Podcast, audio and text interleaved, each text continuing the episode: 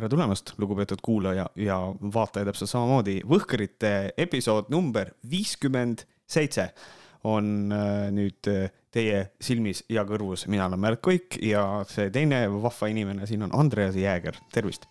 tere, mina olen Covidi vaba Andreas. ja mina olen Covidis Märt, et äh, siin see vastab tõele, mul on tegelikult isegi vist siin laua peal olemas ka, et mul on siin isegi olemas positiivne koroonatest äh,, mille ma tegin et äh, õnnestus saada, nagu nimetatakse viimasel ajal seda selleks moehaiguseks, mul õnnestus seega nüüd ikkagi küll. kas sa oled positiivne, nagu selles mõttes ka oma suhtumiselt? Äh, praegu olen jah, sest et äh, äh, nagu enne salvestust tegin nalja, siis äh, seda saadet sponsoreerib tugevalt paratsetamool äh,. see aitab mind väga palju. et see hoiab mul nagu tuju kuidagi üleval jah, et mul noh, tunnen paremini ennast puhtalt nagu sellepärast. okei pane siis tabelisse üks, kaks, kolm kõige hullem asi, mis sul on, siis järgmine ja siis järgmine. mis su põhiprobleem on? minu põhiprobleem äh,? sa mõtled peale nüüd Covidi või, või, ei, ei, ei, ei, ei, Covidis, mis on sinu pea, minu põhiprobleem oli see tohutu peavalu. aa, selles mõttes, okei okay. mm. -hmm. minu jaoks äh, jõuetus, kõige suurem probleem ähm,. millele aitab kindlasti kaasa see, et ma olen tohutult halb vedelikutarbija. et ähm, ma olen üks nendest inimestest, kellel, kel, kes ähm,, ma tunnen, et mul on janu siis, kui mul suu kuivab ähm, normaalne inimene tunneb seda enne ja öeldakse, see, see vist on niimoodi, et äh, inimesel on üldse kombeks janu tunda juba siis, kui tegelikult sul on nagu väga palju juba vedelikku vaja tegelikult. aga minul tuleb see veel hiljem ja siis mul peab olema meeldetuletusena klaas äh, kogu aeg laua peal äh, ja siis mul on siis ma nagu joon, et, et kuna vedeliku tarbimine on hästi oluline, kuna sa noh, higistad ja kõike seda värki selle haigusega et siis see võib seda jõuetust nagu süvendada, et äh, mind häirib see kõige rohkem, aga kõige nõmedam ongi see, mul ei ole nagu muid sümptomeid eriti, mul on köha tekkinud. ma võib-olla tunnen seda, et mul on nina võib-olla natukene turses jälle peale seda oppi, võib-olla see kuidagi mõjutab seda asja, aga mingeid peavalusid või mingisugust äh, muid asju mul nagu ei ole, mul ongi lihtsalt, ma ärkan hommikul ülesse ja ma olen kohe päevast väsinud. see on kõik, mis mul on ähm,. siis sa oled nagu mina, ainult sul on Covid selles suhtes. aga ma olen, ma, ma olen sama halb äh, veetarbija nagu sina ja siis, kui ma tegelesin veel tugevamalt fitnessiga, siis nagu ka kogu aeg nagu räägid sellest, et tuleb vett juua, vett ja vett ja ma, no ma proovisin, ma tegin igasuguseid trikke, et seda vett nagu harjutada endale külge. ja isegi see, kui nagu sa ütled ka, et sul on pidevalt see vesi on seal kõrval, onju.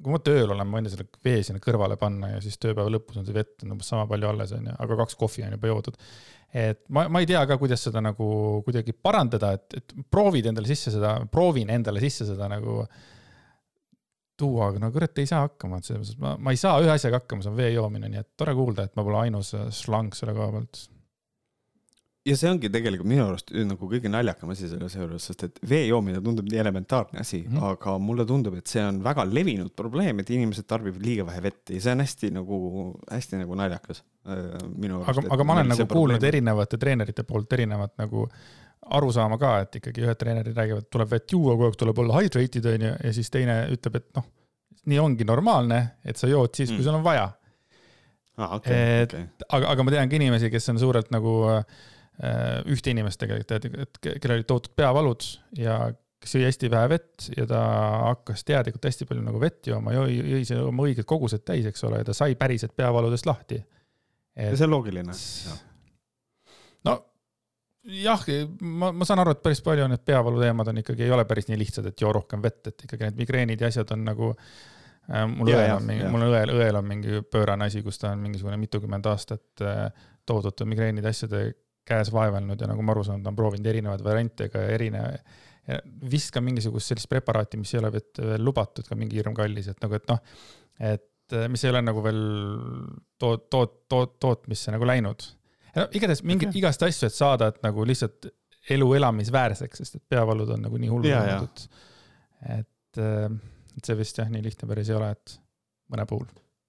jah, muidugi, otse loomulikult, jah aga davai. oota, viimane, viimane küs, viimane küs veel, aga väike tibu äh,. ah, issand jumal, muidugi, sellega oli niimoodi, et äh, ühesõnaga, me oleme nüüd ajanud siin liine ja ütleme, et niimoodi, et kõige tõenäolisem on niimoodi, et minu abikaasa sai Covidi koolist, äh, tõi mhm. selle koju, nakatas sellega meid. Ähm, ja väike Ants mul oli niimoodi, et tema põdes seda, tal oli nagu, nagu haiguse päevi, ma ütleks kaks okay.. üks päev oli ikka noh, niimoodi, et ma sain aru, et noh, laps on haige, mis oli see, et ta lihtsalt, ta ei, ta see päev oli ainult, tahtis ainult tissi ja magada. ta magas väga palju päeva jooksul. Äh, minu esimene kogemus näha oma last äh, nagu ikkagi nagu päriselt haigena, haigena, palavik oli ka kolmkümmend kaheksa tal. Äh, jube ebameeldiv tunne on, tahaks kõike teha, peaasi, et laps haige ei oleks, aga noh, sa ei saa. hästi vastik. aga, aga ikkagi nagu see, et noh, Liisa helistas perearstile ka, kui ta positiivse testi tegi ja siis äh, perearst ütles, et noh, tegelikult äh, väikelastel on see, et nad põevad seda väga kergesti ja siis nüüd ongi nagu mõlemal naljakas vaadata, et laps meil praegu, ta köhib, siis on kõik. ta rohkem ei ole mitte midagi. ja see on nii kummaline on see, et kõrval on kaks täiskasvanud inimest, kes põevad juba mitmendat päeva ja, ja lihtsalt siiamaani annab tunda, et on, oled kümme minutit püsti juba on sihuke selg on märg ja tahaks istuda, samal ajal Ants on nagu uhuhu, vahepeal köhib ja siis teeb oma beebi asju aga seda on väga hea kuulda. selles mõttes, et äh, pigem teie kui tema, ma ikkagi eeldan. ja ei, seda küll jah, muidugi mm. -hmm. no ükskord olen olnud niimoodi, et kui Lemmelis oli kuskil, kuskil Tallinnas oli öö ja siis äh, Mellu jäi haigeks. Holy shit, ma tundsin ennast nii abituna ja siis oli igasuguseid asju vaja guugeldada, otsida, mingid asjad, helistada, kuidas midagi teha, et äh, kui palju tohib olla see kraad, vaata, et anda talle seda rohtu, siis mitte, siis ma öösiti käisin iga tunni aja teda kontrollimas kaela, mida iganes, vaata, et vaadata, et, et ei magaks maha yeah. nagu seda, vaid et igast hirmsad mõtted hakkasid tulema, et aga ma sain hakkama, ma saan kõigega hakkama. miks ma räägin praegu endast, ma ei tea, kui me rääkisime just tantsust e,. ikka ma tean, miks see on, sellepärast et äh, mul on kogu aeg äh,, minu tütrekene on mul kuidagi in my mind kogu aeg ja mul on olnud see nädal selline võrratu võimalus, et ma olen nädal aega temaga nüüd kodus olnud kahekesi.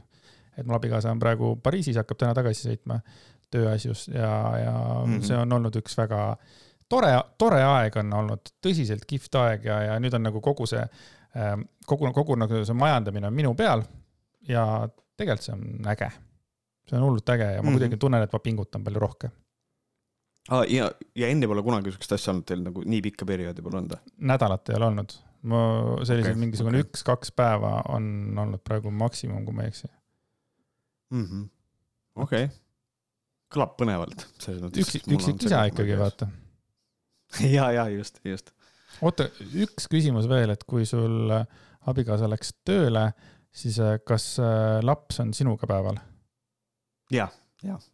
okei okay Äh, siin praegu veel oli muidugi see, et tema esimesed need tööpäevad olid just minu see opis taastumise aeg ja siis mul oli nagu minu ema ja isa käisid abiks veel, äh, aga üldiselt plaan on selline jah, et äh, kui me oleme nüüd terved lõpuks kõik, et siis nii on jah, ta on minuga, jah. ühe päeva vist oli ka, kui ma ei eksi. ulme on see, et tegelikult ta saab sul varsti juba aastaseks. ja no,, ja, ja. ikkagi Täna juba näiteks... üsna, üsna varsti juba ja just, täna näiteks ma õpetasin talle, kuidas ta peab jala panema, et ta saaks ennast mingi asja najal püsti lükata ja siis äh, mingi kümme minutit enne seda, kui me hakkasime saadet salvestama, siis ta proovis seda ise järgi ja ajas ennast Liisa najal püsti. siis oli nagu damn, et ta on nii suur juba, see on veits, see on veits hirmus. jaa, aga see on nii äge, see on nii äge. Mm.. aga lähme saate juurde ja esimene teema ei ole üldsegi nii äge nagu Väike Ants tõsi, äh, meie esimene teema on, räägime Keskerakonnast mm, äh, kes siis organiseeris äh, laheda meelelahutuse kõigile, milleks on siis meeleavaldus ja. ja see leidis. meelelahutus, meeleavaldus. just, ehm, ja see meeleavaldus oli siis kaksteist september Toompea lossi ees kell neliteist null null ehm, kõik kriitikud ütlesid selle kohta seda, et, ähm, et miks sellisel ajal, et äh, noh, kuna Keskerakond on nii-öelda tahab äh, tööinimest, äh, tööinimese eest seista, siis miks on niimoodi, et seda tehakse ajal, millal tööinimene tööl on, meeleavalduse nagu aeg, mis on kriitikana nagu selles mõttes täiesti nagu geniaalne ja suurepärane, et noh, tõsi ta on, et see aeg on hästi veider. ja mm, mis nagu hiljem välja tuli, mis on nagu, ma ei oskagi öelda, nagu see oli lihtsalt naljakas juba ja siin osad inimesed spekuleerisid alguses, et, et see ei ole päris, aga ei, üleskutse oli päris, et äh, küttepuid loositi välja meeleavaldusel, mis on nagu eriti lollakas. kaks õnnelikku, kes saavad endale kumbki üks koma neli tihumeetrit küttepuid. loosi läheb kaks korda kolmkümmend viis pakki halli leppa ja kõige armsam oli see, et pakume ka sooja teed ja Keskerakonna lehmakommi. Keskerakonnal on oma lehmakomm mina saan sellest niimoodi aru, et ma, ma ei usu, et see on see, see, mis üks lehmakomm, mida ma tean, see ongi lehmapildiga vist või? ja, ja, ja.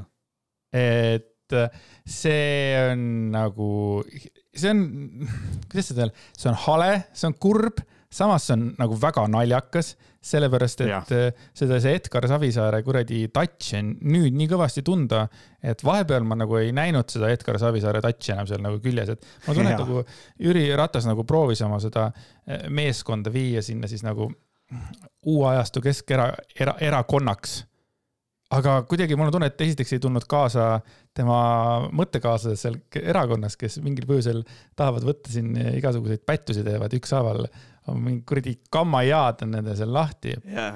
pluss kaasa vist ei taha enam tulla ka nende äh, valijad. see, kuigi tegelikult viimased valimised Keskerakond ju võitis. aga mul tunneb praegu nagu järjest nagu langeb ja langeb see Keskerakond ja mul on tunne, et nüüd ongi niimoodi, et davai, meil, meil, meil ei ole midagi kaotada, meil on putsis.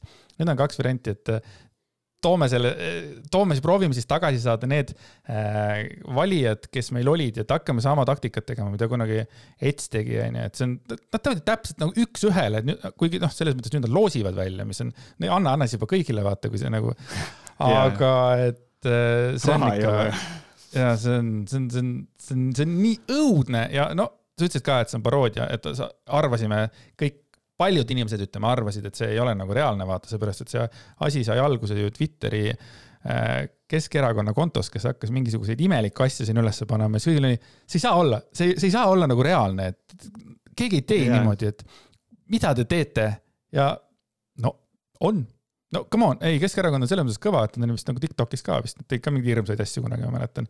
keegi näitas mingeid videosid, kus nad seal olid, üritasid noortepärased olla.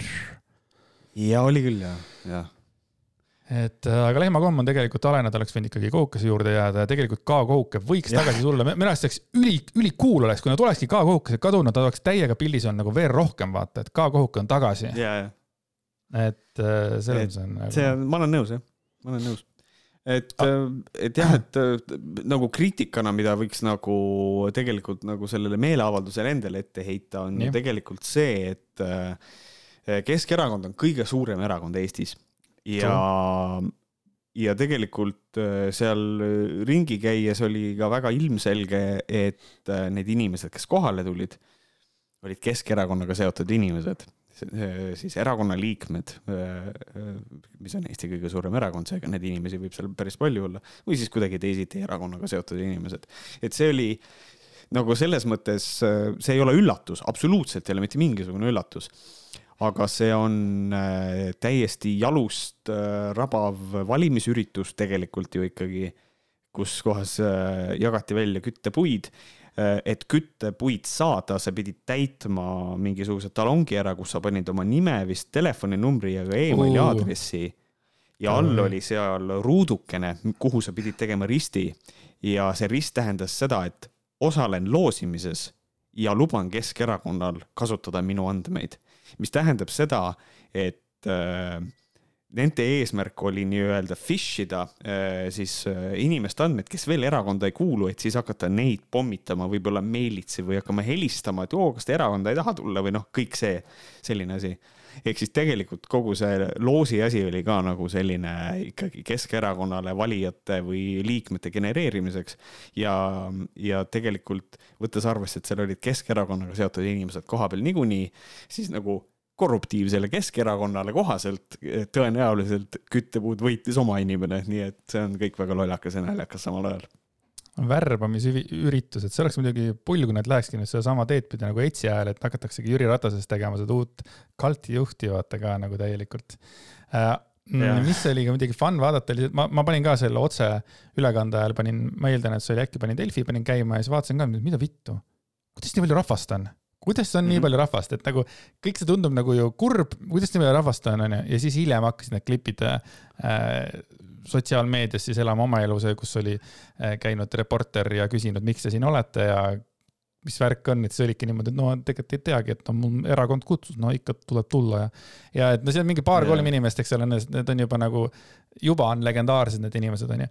Äh, korra mul tekkis küsimus, et kas see video oli niimoodi kokku pandud, et siukene Varro Vooglaiu stiilis küsimus, kas see on, kas see oli ka täpselt nii, et need kolm inimest, keda ta seal intervjueeris, olid need või sealt võeti mingisugune, tehti kümme tükki ja siis sellest ikkagi tehti mingisugune selline klipp kokku, mida nüüd saab äh, huumoriga levitada, et ähm, ma ei tea, sest et äh, tundus, et kas tõesti nagu kõik, kurat, see on nagu, ma räägin EKRE ja vana Keskerakond ja nüüd on EKRE ja uus Keskerakond, et hakkavad uusi ja. samu asju tegema, tähendab, et uusi ah, ja muide, need vanamutid olid äh, väga armsad seal äh, küttepuude peal, kui äh, mingid esinejad olid seal või Jüri, Jüri Ratas rääkis seal ja siis seal olid paar-kolm vana daami, mitte vanamutti, ma ei tea, miks on see vanamutt, paar-kolm vana daami, kes istusid armsasti seal nende küttepuude peal. see oli nii nunnu, neil oli täie- ja neil oli täiesti pohhui ka veel. Nad isegi ei vaadanud, kuidas Erich Krieger seal musklit pingutas ja laulis jälle mingisugust armast laulukest, nad lihtsalt istusid seal. noh, me oleme osa show'st, noh kujuta ette, me teeme võhkareid, saad aru, me läheme Google'i aparaadile, me teeme võhkareid ja siis lihtsalt tulevad kolm inimest, ist-, panevad natuke madalamad toolid meie ette, istuvad seal lihtsalt rahva poole. kui pohhui saab olla nagu, nagu ebareaalselt cool'id äh, prouad selles mõttes jah, see on tore, see on. ei, aga üldiselt äh, kogu see asi veel üks kriitika nagu minu poolt on see, ma oma striimis vaatasin seda ka, et Jüri Ratas tegi ka videoüleskutse, mis oli nagu üks, üks halvimaid asju, mis ma kunagi näinud olen, hästi halvasti monteeritud awesome,. Awesome. kohutavalt, kohutava ülesehitusega üleskutse, et tule ja näita et meie inimesed ja ettevõtted vajavad kiiret ja tugevat abi ja kõike seda. et et, ähm, et noh, see Jüri Ratase üleskutse oli küll omaette nagu nali, rääkimata sellest, et nad istusid valitsuses tükk aega, oleks võinud sellel ajal ka ju teha midagi, aga nope. Äh, minu küsimus on, et kaua see Keskerakonna Twitteri konto nagu püsib seal, sellepärast et on, on olnud varemgi selliseid vahvaid tegelasi, kes tulevad Twitterisse, otsustavad, et nüüd nad hakkavad seal lammutama ja nad saavad siukese pasaraha, raha endale kaela ja lähevad ära. Varro Vooglaid on üks näide Andri, Andri Kiige on nagu tegelikult hea teine näide, täielik vaikus kadunud.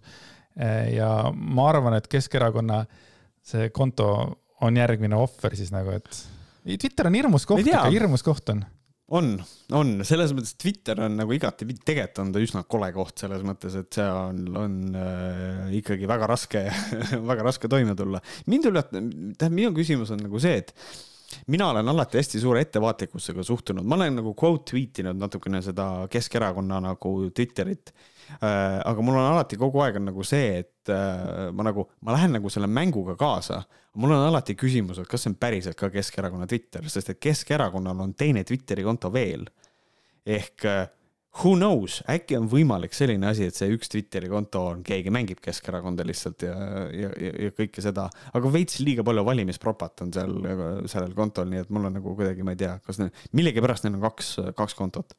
mina olen sinisilmne ja mina usun täielikult, et see on Keskerakonna konto, sest need vastused ka ei ole seal iroonilised ega midagi, vaid see tundub ikkagi selline äh, vot see tundub aus värk, et mind on nii lihtne tõmmata. Aneks, kui see on vale Keskerakonna konto, siis ma olen täpselt seesama inimene, kellele kirjutatakse email, et ma olen surnud äh, kuradi kellegi poeg Nigeeriast ja yeah, saadad mulle sada euri, saad nelikümmend kaks miljonit, et, et ma olen that guy, ma arvan. aga jaa, sul oli õigus selles suhtes, et nii et ma ei paneks, ma ei, ma ei, ma ei imestaks üldse, kui tuleks välja, et see vana, see vanem Twitteri konto, mis on, et keegi lihtsalt unustas password'i ära, see oleks nii Keskerakond või et kui keegi läks Keskerakonnast välja ja ütles, ma ei anna teile seda password'i.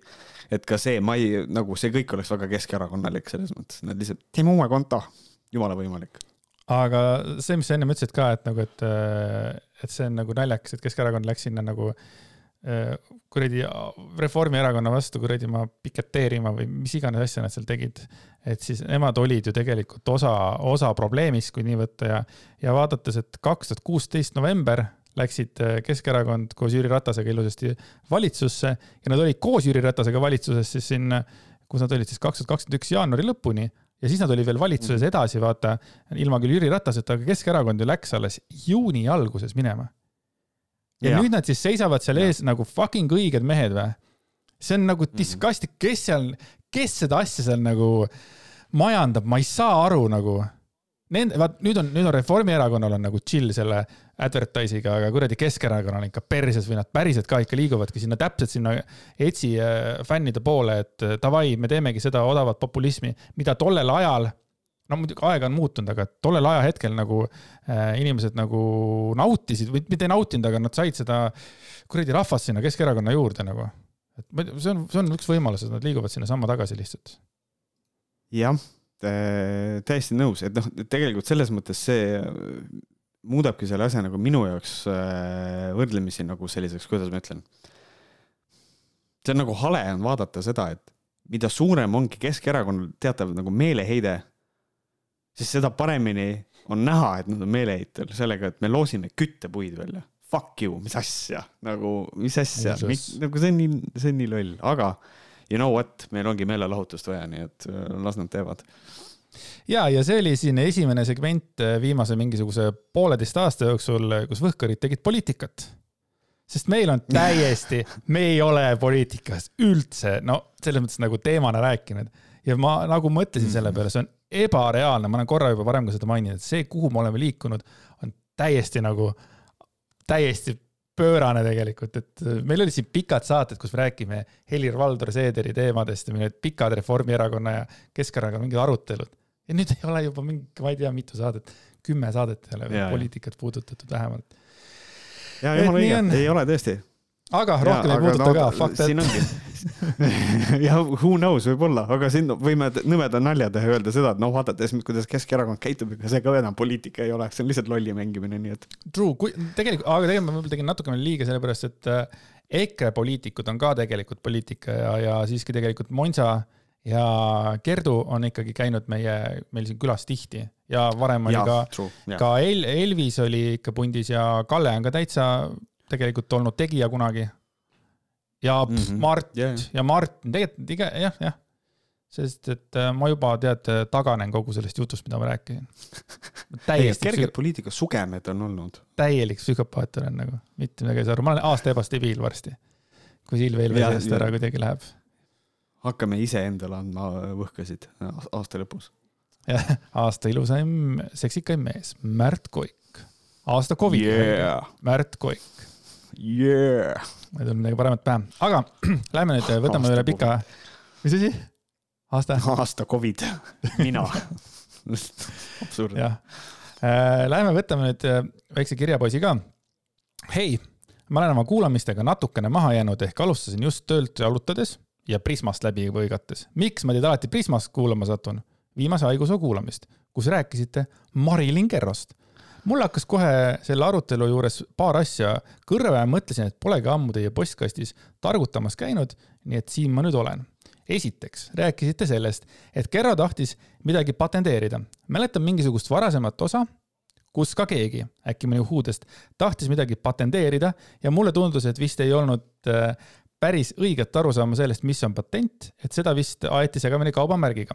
patent antakse leiutisele, kaubamärk antakse mingisugustele teenustele ja kaupadele. ehk siis Kerro võib-olla teoreetiliselt saaks patenteerida mingisugust vitamiini segu ja saaks näiteks registreerida kaubamärgi Kerro, mille alt äh, seda vaktsiini müüb või midagi sellist. ja Patendiameti lehelt peaks saama vaadata ikkagi ka neid kaubamärgi ja patenditaotlusi, mis on sisse antud, ent mida ei ole veel lahendatud. Just saying, et ma ka Kerro nimega midagi ei leidnud teine asi. jah, see oligi, kui me sellest rääkisime, kui me sellest rääkisime, siis oligi, ma ütlesin ka, et nagu ma ei ole, mina ka ei näinud, et Kerro nime alt oleks midagi sisse antud ja siis ma esitasingi selle küsimuse et huvitav, et kas see on niimoodi, et ainult need läbi läinud asjad on kirjas või et, äh, et siis võib-olla on mingi asi töös, aga siit tuleb välja, et see ei ole üldse nii mm. -hmm teine asi, mis mind hakkas huvitama, on see Kerro väide, et teda kuskilt ettevõttest välja visati või mida iganes. kõigepealt üritasin ta poe nime leida, aga sattusin hoopis sellisele artiklile. uus algus, Marilyn Kerro jätab oma kauplase kuivasti, on aeg muutusteks. see on Kroonika artikkel. et noh ma ei tea siis, kas ta söödi välja või läks ise ära, siis ma vaatasin Kerromeka lehelt, et seal pole ühtegi viidet sellele, et mis ettevõte seda poodi peab, kuigi mu meelest selline info peaks ostjatele kättesaadav olema. muidu aga on meil olemas selline tore koht nagu e-äriregister. sealt leidsin Marilyn Kerro OÜ ja vähemalt äriregistri andmetel on Marilyn Kerro seal ka juhatuse liige osanike andmed kahjuks tasuta saadaval pole ja ma pole nõus seda paari eurot maksma ka et teada saada, aga osanikud on just need isikud, kes saavad juhatuse liikmeid valida ja tagasi kutsuda, dividende välja võtta ja nii edasi.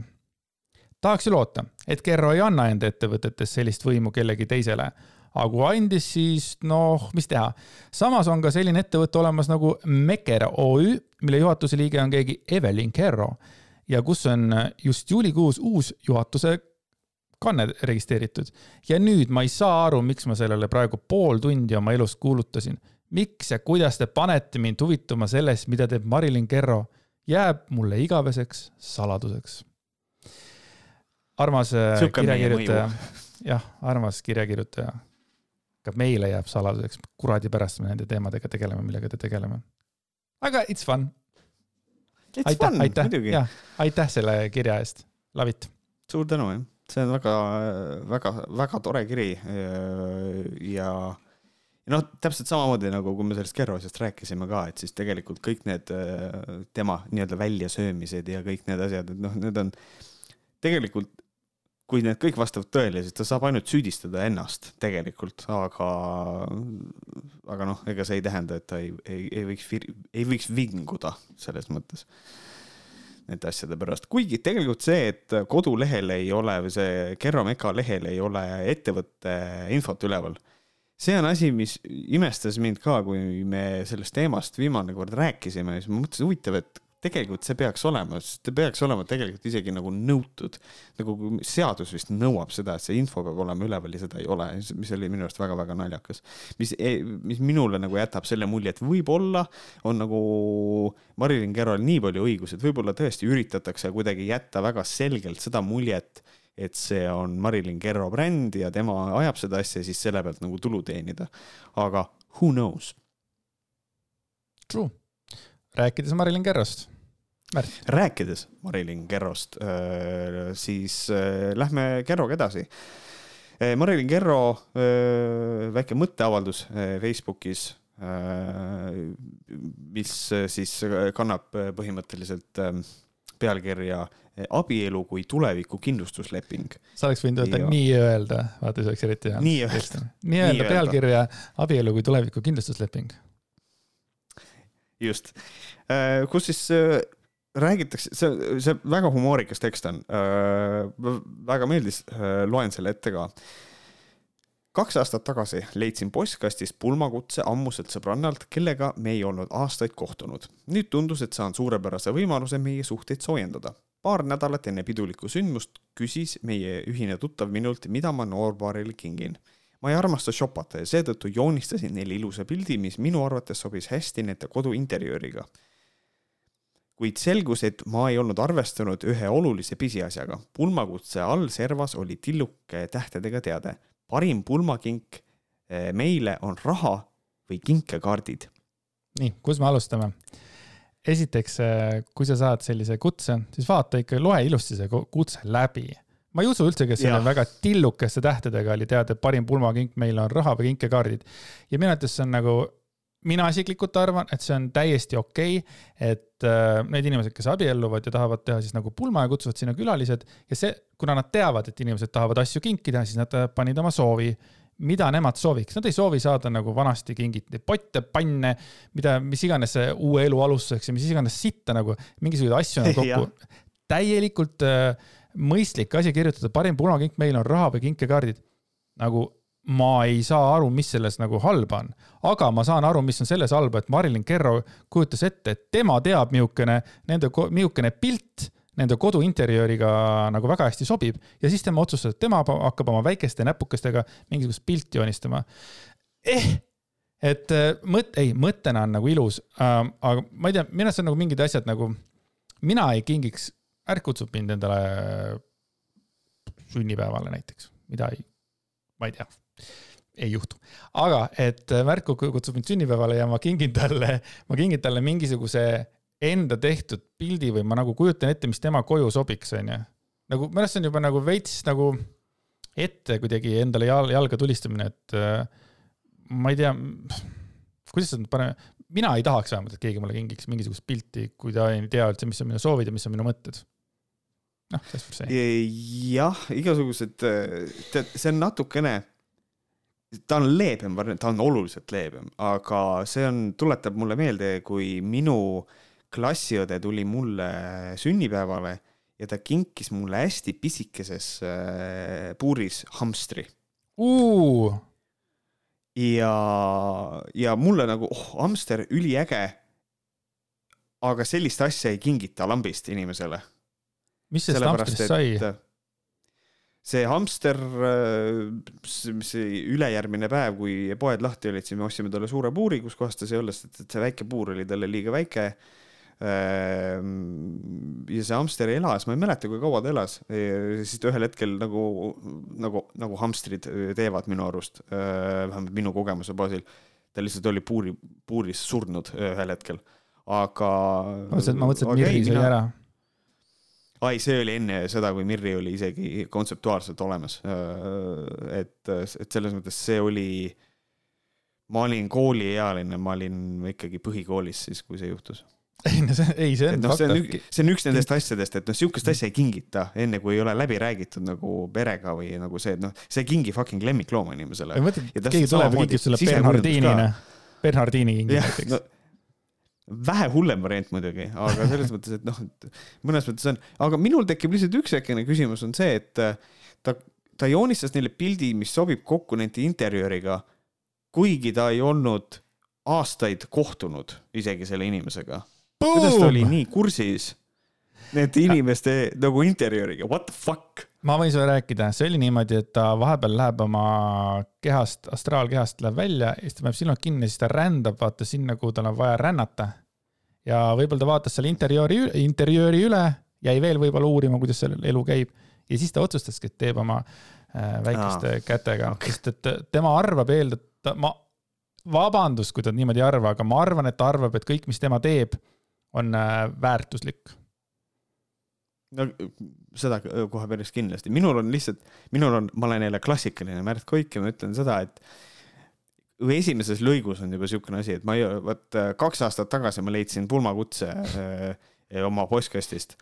okei okay., ja siis selle kirjutas inimene, kellega ma ei olnud äh, aastaid kohtunud, okei okay.. ma joonistasin talle pildi, mis sobib kokku nende interjööriga okei okay., ja siis ma pärast avastasin, et nad tegelikult tahavad raha või kinkekaarte.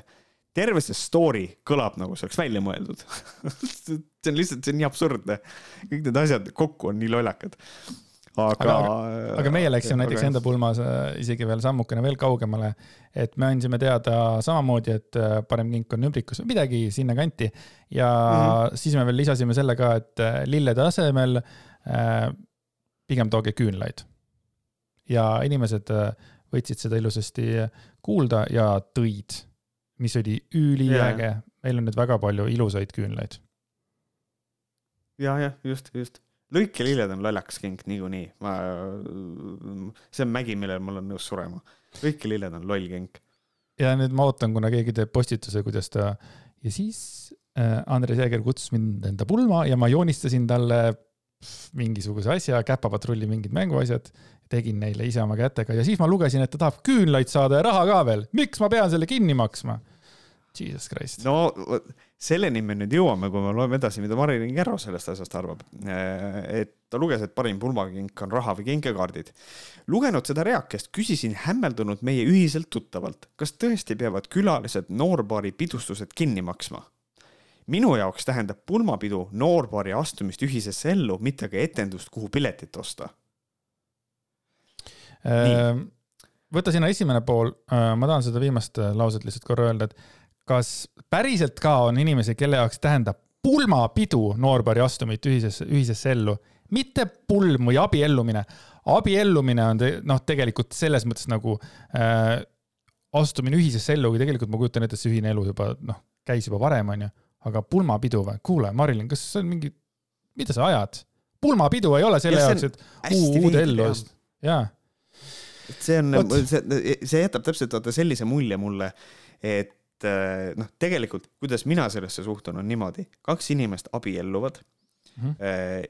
ja äh, pulmapidu on see, et tähistatakse seda, et nad abiellusid. ehk siis tähistatakse seda, et nad on nüüd ühises elus. ehk siis mitte pidu, noh, täpselt nagu sina ütlesid selles mõttes, et see loogika on tal kuidagi äraspidine. Aga see jutt, et kas tõesti peavad külalised noorvõrre pidustused kinni maksma, et ta nagu näeb seda, et ta justkui peab pileti ostma siis mul on küll nagu see, et äh, Marilinile vist väga meeldivad tasuta asjad, et nagu selles mõttes, et äh, pulmapidu on ikkagi väljaminek. ja seda natukene tasa teenida sellega, et kingi meile ümbrikus raha, ma leian, et see on okei okay. Et nagu see on hästi kummaline probleem. ja, ja võttes arvesse seda ka, et ta kirjutab, et see oli parim pulmakink on raha või kinkekaardid sa võid ju selle pildi ikkagi viia, nagu see, mis siis on, ära vii raha, vii see, vii, vii see kinkega, nad, nad ei jälesta sind, nad võib-olla ei mäleta sind enam, sest et sa ei ole nendega mitu aastat suhelnud, nagu sa ise ütlesid. aga nagu äh, hästi kummaline suhtumine on see küll, et äh, pulmapidu ei ole odav asi, mida pidada üldse just, aga ma jään ikkagi nagu isiklikult selle juurde, mis ma nagu ennem ütlesin ka, et nagu, et, et pulmapaar ikkagi teab, mida neil vaja on, et noh, kas siis. Marilyn Kerron oleks veel nagu parem variant olnud see, et okei okay,, üks asi on see, et mina tahan valida, mida mina neile ise kingin, onju, ta-ta-ta-ta-ta. aga kas siis tal oleks meeldinud see variant rohkem, et äh, pulmapaar oleks igale ühele siis pannud sinna äh, selle mingi aadressi, kust midagi siis tuleks osta neile või, et, et ma tahaksin seda Marilyn Kerro, palun sina kingi mulle sellest poest selline kann ja siis äh, Kirsti Timmer kingib mulle tolle poe panni ja siis äh, Koikide perekond, ma kutsun kõik kaheksa tükki, nemad, palun kinkige mulle see voodi, et, et kas siis see oleks nagu kuidagi kuidagi nagu äh, vastuvõetavam või nagu, või siis ongi probleem selles, et lihtsalt raha nagu fucking inimesed soovivad ise valida, mida nad hiljem ostavad, et mitte mingit sitta nagu äh, kokku kuradi kahmata. Ja alati on variant, et inimene tõesti, variant üks, ta ei saa minna või ei soovi minna, variant kaks, ta kingib seda, mis tal on võimalik. et keegi, ükski noor paar, ma arvan, ei hakka üle lugema seda raha ja ütlema, kuule Marilyn kinkis ainult viis eurot. ta ei ole üldse nii hea sõbranna nagu, nagu Kirsti on. Kirsti pani meile kaks sotti. et. Äh, ma ei tea, see oleks õudne, õudne pulmapidu. Äh, pulmakleidis äh, siis vaatab üle seal, vaatab, vau, issand jumal, kuule Agnes on ikka eriline lita, ta kinkis nii vähe raha, et noh, see nagu need asjad ei käi niimoodi, ma ei tea, see on ikka tegelikult väga väga kurb, aga mida Marilyn äh, edasi kirjutab, on niimoodi. see juhtum pani mind mõtlema, mis üldse on abielu ja kas see saab suurendada meie kindlustunnet tuleviku suhtes. ma ei olnud veel pulma jõudnudki, kuid juba oli minus esile kutsutud süütunne ja esitatud nõudmisi äh,. Marilynil on mingisugused äh, traumad. ma arvan, et on mingisugused traumad, miks temal tähendab, oli minus esile kutsutud, ahah, nüüd nemad kutsusid või, sinus, tähendab, Marilis endas tekkis süütunne, mina tahaks teada, miks, mis on see trauma? miks tal on selline süütunne, sellepärast siis nagu? Äh, kas tal? ainukene süütunne, mida, kui ma üritan mõelda, on see, et, et ta mõtles, et ta tahab neile pilti joonistada ja nüüd äh, ta võib-olla tundis ennast süüdi, et ta on nagu tunginud nende äh, ma ei tea, elutuppa või, või, või ma ei, nagu, aga miks ta peaks süütunnet tundma, vot sellest ma ei saa aru. ja esitatud nõudmisi äh,, ei, seal oli tugev nagu soovitus, milline on nagu eelistatud kink, mitte nagu nõud. et nagu nõudmine oleks see, et palun ainult kinkida, palun teha nii, et kink oleks ümbrikus. kas no, nõudmisele, kas, kas, kas nõudmisele üldse tuleb palun ette või? nõudmine on ikkagi, et raha, ainult raha võime mängida. Äh, palun nagu raha. palun raha no ma, ma ütleks, et noh, see läheb nõudmise alla juba. aga et selles mõttes, et aga see nõudmiste esitamine, et see küll tekitab minus selle küsimuse. kuule, ei ole, vaata, Märt kuule, vaata, kui mina ütlen sulle, et palun mine käi poes ja osta mulle piima, siis see on ju palve või soov. kui ma ütlen sulle, mine too mulle piima, see on nõudmine ja käsk. kas käsk ja nõudmine on PM sama, onju? Et selles mõttes ma arvan ikka, kui inimene käsk, paneb palu, kui inimene paneb ikkagi paluni ette, siis see, see ei saa, seda ei saa seda võtta nagu käsuna ju. No muidugi tooniga saab mängida, palun too mulle post piima või muidu. Et ja, kuidagi nii, noh, sina oled näitleja, mina olen harrastuse podcaster. Ja, et noh, et, et selles mõttes on äh, jah, ma olen kuidagi äh, soojenenud su seisukohal, et selles mõttes, et, äh, et tegelikult kalk, jah. kalk Märt Koigi süda soojeneb minu mõtete, mõtteid kuuldes. hinge ei ole olemas, armastust ei ole olemas, aga ta soojeneb see midagi siit kuskilt süda jah, mul siin see, see tühi auk, mis siin sees on, see on nüüd täis, mida? Nobody knows, aga siin midagi on. no Mary, Marilyn um, Kerrol oli täis süütunnet. jah, minul on lihtsalt, ma ei tea, Covidit täis ilmselt uh,. mida Kerro edasi räägib, aga on see, et oma nõudmiste ja soovidega rebite partneri enda küljest lahti. armastus, see on püha tunne, mis peab olema vaba. niipea, kui me seome selle kohustustega, lämmatame selle just see on põhjus miks, miks kaheksakümmend protsenti perekondadest laguneb. abielludes kirjutab inimene traditsiooniliselt alla lepingule, millega kinnitab armastuse teise vastu kuni elupäevade lõpuni. samamoodi peab tegema ka partner. Tegelikult tekitab selline paber ise nõudmisi. oh jah. Ähm, ma võib-olla võtaks alguses selle kaheksakümmend protsenti perekondades laguneb, sellepärast et minul äh, see tundus minu jaoks erakordselt spetsiifiline number väga täpselt.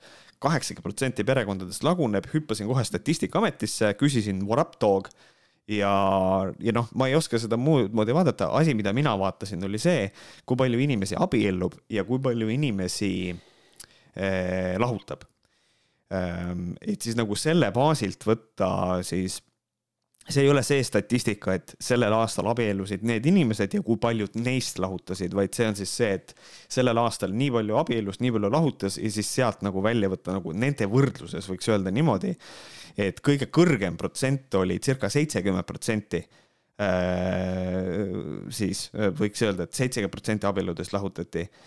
Äh, täpsemalt vist oli kuuskümmend üheksa ja see oli aastal kaks tuhat kolm aga see protsent aastal kaks tuhat kakskümmend ja kaks tuhat kakskümmend üks on circa nelikümmend protsenti ja jäi sinna kolmekümne üheksa protsendi juurde. et kuskohast see kaheksakümmend tuleb, vot seda ma küll ei tea ja mida ta selle all mõtleb. mul on olemas vastused sulle. esimene variant on see, et kui eelmine aasta oli nelikümmend, üle-eelmine aasta nelikümmend protsenti, siis ta lihtsalt liitis need kokku ja ütles kaheksakümmend, et see on cool. teine variant on see, et saad aru, Märt, sina elad minevikus, aga tema elab tulevikus ta on ennustaja, ta on nõid, ta on selgelt fucking nägija. kaheksakümmend protsenti, tema teab seda praegu. vaatame, kuulame mingi fucking või vaatame kaks tuhat kakskümmend neli, noh, septembris. Boom, kaheksakümmend ja sest Marilyn Kerro teab, ta on ikkagi tuntud selgeltnägija. ja, ja. selles mõttes, ma ei saa aru, kas see on tõesti nii kahju oli seda raha siis sinna panna nagu või nagu kui, kui kahju saab olla rahast, sa müüd fucking mingi saja euroga mingisugust või kolmekümne euroga mingit voodoo nukku onju, mida tuleb ära matta mis on ebareaalne pask onju. et inimesed ostavad seda onju, sa müüd igasugust kuradi eliksiire, kuradi kujusid, kivikesi, no pane see fucking kakskümmend eurotki siis, kui sul nagu muud ei ole nagu.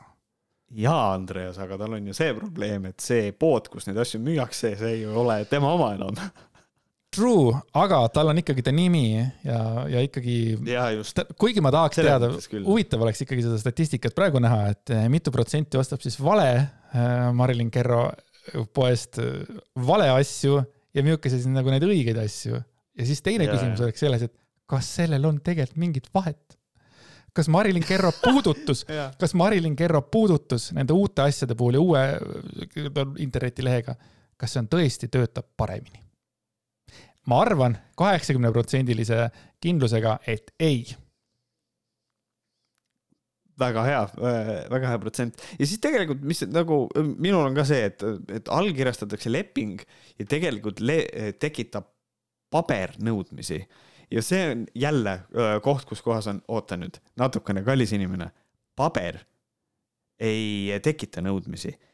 paber kinnitab selle, et inimesed, kahel inimesel, kes abielluvad, on üksteise suhtes mingisugused nõudmised. või mingisugused asjad, mis nad kokku lepivad. paber ei tekita nõudmisi. paber kinnitab, et mõlemad osapooled on nõudmistest teadlikud ja ütlevad, et see on okei okay. täiesti absurdne. ta süüdistab, ta süüdistab lihtsalt, lihtsalt mingit paberit, vaata. Eesti puudu, puidutööstus praegu on süüdi põhimõtteliselt. ja, ja lihtsalt paber on laua peal.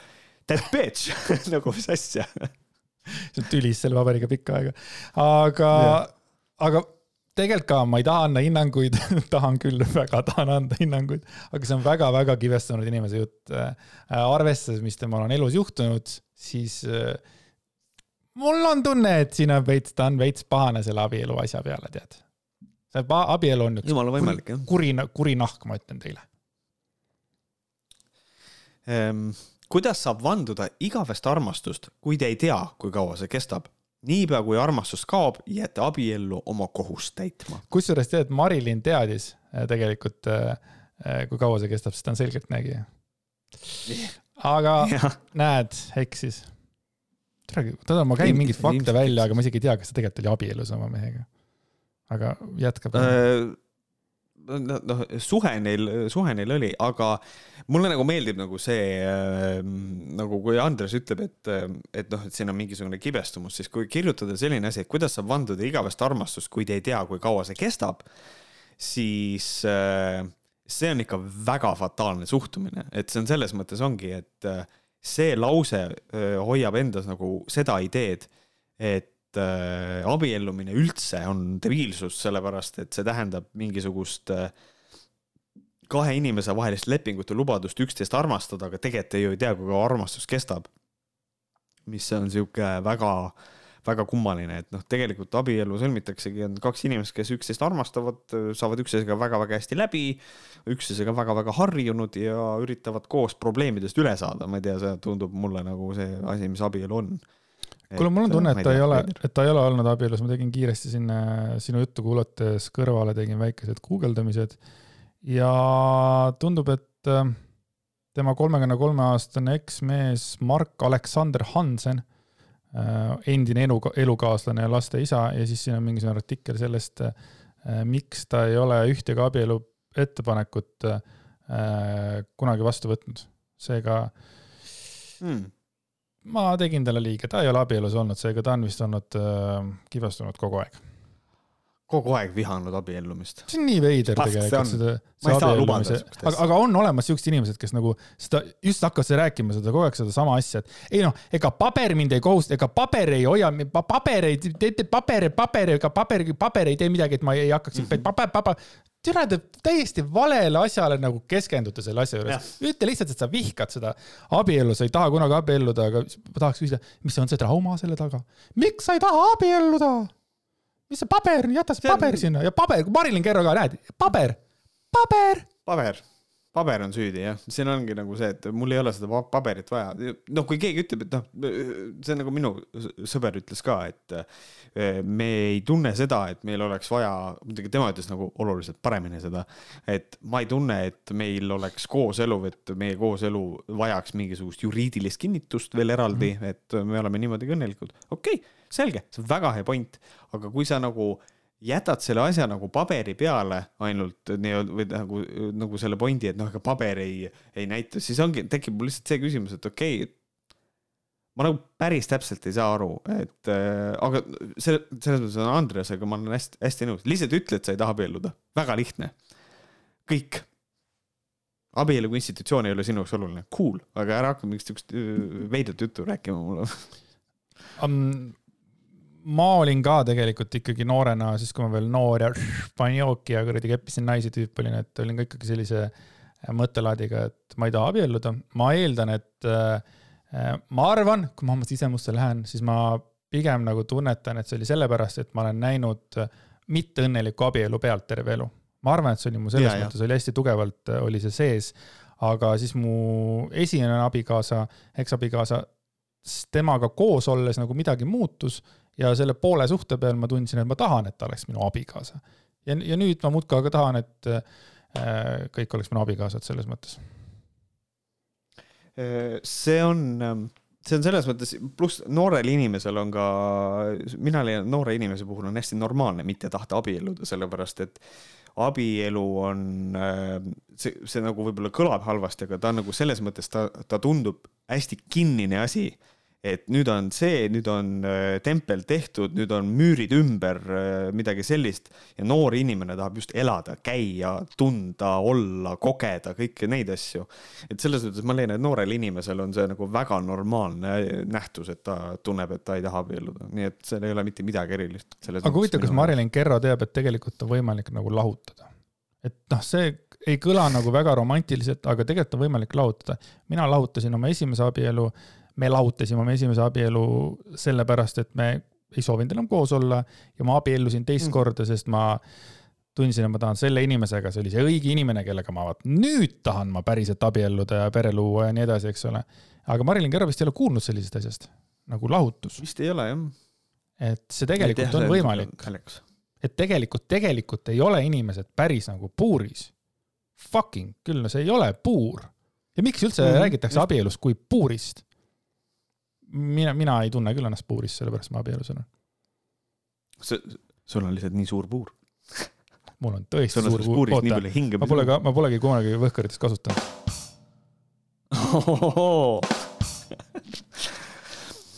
Äh, nüüd äh, Kerro jätkab armastus on see pihatunne, ma arvan, et ta mõtleb püha, mitte piha. Äh, vaevalt, et ta piht tunneb midagi, aga armastus on see püha tunne, mis peab olema vaba. niipea kui seome selle kohustustega, lämmatame selle.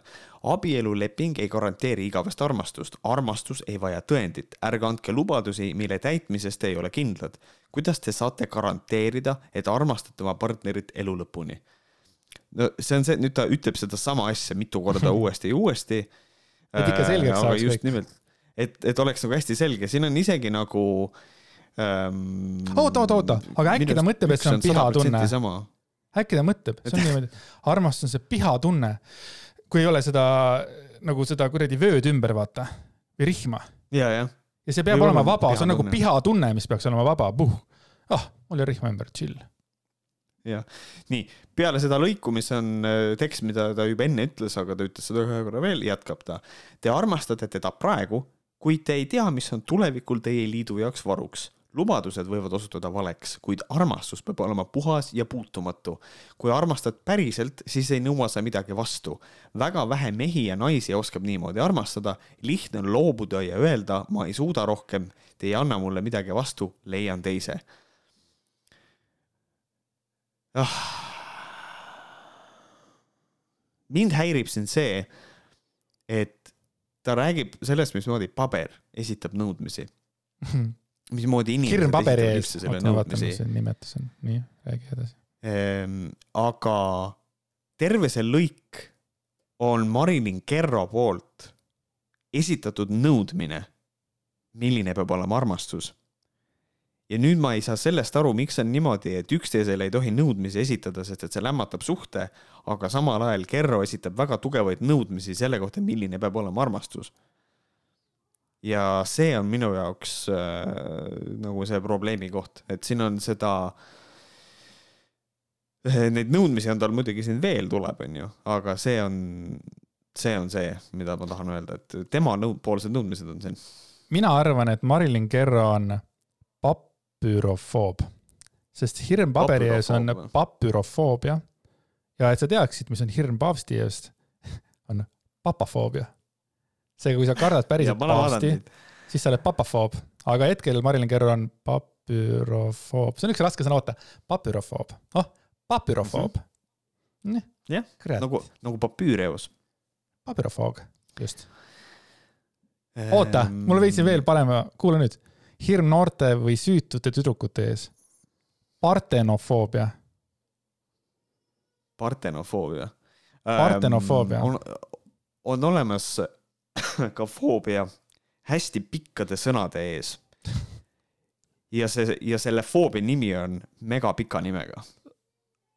keegi on teinud hästi halba nalja korralik äh, ja see on, but it's real, see ongi niimoodi, et selle foobia nimi on megapikk. Äh, mis tähendab, et inimene ei saa öelda, et see on tal, sest et ta kardab seda sõna. aga kes mõtles need eestikeelsed sõnad välja, et? kas see, kas inimene äh, jääbki no, saladuseks? tuletatud, need on tuletatud kõik niimoodi, et need on tegelikult äh.... aga keegi tuletas ju, Märt, keegi tuletas. noh, keegi. seal keegi on olemas üks inimene, kes, kes tuletas, et kui sa kõnnid tänaval ja vaatad kedagi, see võis olla just tema, kes mõtles sõna välja. papafoobia, paavsti kartus, papafoobia see kõlab nagu isa kartus rohkem, papafoobia. ma olen papafoobik Papa. Oh, mis su isa tegi sulle? ei, ei, mitte isa, paavst. mis see paavst tegi sulle? ei, mulle lihtsalt ei meeldi ta. The new pope mm. Kerro jätkab niimoodi, isegi kui teid reedeti, vastake sellele armastusega. järjekordselt on tegu nõudmisega. jah, aga armastus peab olema vaba. aga nüüd me siis, ma pean just. vastama armastusega reetmisele. miks ma re..., mul on hirm reetmise ees. armastus ei ole ju vaba. armastus ei ole vaba. see ei ole see ei ole vaba siis jah. aga mis üldse et tähendab, et on... armastus on vaba, kas ma ei või olla abielus ja armastada vabalt oma abikaasat? sest ma armastan teda nagu puhtalt ja vabalt. miks nüüd see paber nagu see, las see paber olla siis. aga ma arvan, et ta on ikkagi paberifoobia. Või on nagu ikkagi see, et tal on, äh, et abielu, et kõik need nõudmised ja asjad, et tegelikult võib-olla ta on selle poolt, et inimesed peavad olema vaba abielus ja et see suhe, mis siis nende inimeste vahel, et see oleks vist ka avatud või? et nagu inimesed saavad, on täpselt seda teha, mida nad ise tahavad, aga lihtsalt neil on kodus on alati keegi olemas või nagu tekib lihtsalt okay. see küsimus. noh, see on ka tegelikult äh, tema mõte ja kui see teeb teda õnnelikuks, aga vaba abi, oota, aga vaba abielu on ikkagi inimesed on ju koos ju, nad ikkagi on tegelikult andnud ju noh, eeldatavalt ikkagi nagu mitte tõotuse, aga noh, et me oleme nüüd teineteisega koos jah, jah. aga see, see, aga nagu... see võtab ka ju nagu vaba ära ikkagi, kui sa juba ikkagi kellelegi annad jah-sõna või siis lihtsalt tüüp lihtsalt kolib sisse, aga ta lihtsalt ei räägi sellest, vaata, sest et, sest et armastus peab vaba yeah. olema. me lihtsalt vaikime sellest, me no, oleme nagu koos, aga jaa, me igaks juhuks ei räägi mitte midagi, sest muidu me paneme kohustused peale teineteisele et kui et... keegi väidab mulle, et kooselus ei ole kompromisse, kus kohas on, kellelgi on mingisugused, äh, mingis mõttes mingid tiivad nagu kärbitud, siis. konservatiivid äh, väidavad. siis ma, no aga need inimesed valetavad. mees on, mees on äh, perepea.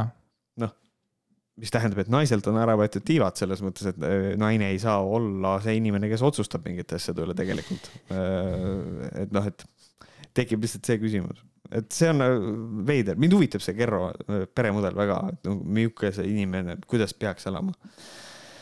Äh, siis tekst järg, jätkub niimoodi, viim-, viimane moeröögatus, abielu varaleping pooled määravad eelnevalt kindlaks oma õigused abielu jooksul ja sätestavad vara jagamise lahutuse korral. tänapäeval käsitletakse seda kui investeeringut. mina ostsin selle asja ja see jääb nüüd mulle, sina kinkisid teise asja, ent kui sul on ostutšekk alles, võid selle endale jätta. lahku minnes tunnevad inimesed teineteise vastu vihkamist ja vaenu. tülitsetakse vara pärast, jagatakse lapsi, kes nagunii jäävad kannatavaks pooleks. kuidas jagada last, kes on saanud pool energiat emalt ja teise Oota. poole isalt? jääme nüüd korra pausile, sest see on nii palju, palju asju on, mida tahaks kommenteerida, õigemini kaks asja. Äh, lahku minnes tunnevad inimesed teineteise vastu vihkamist ja vaenu.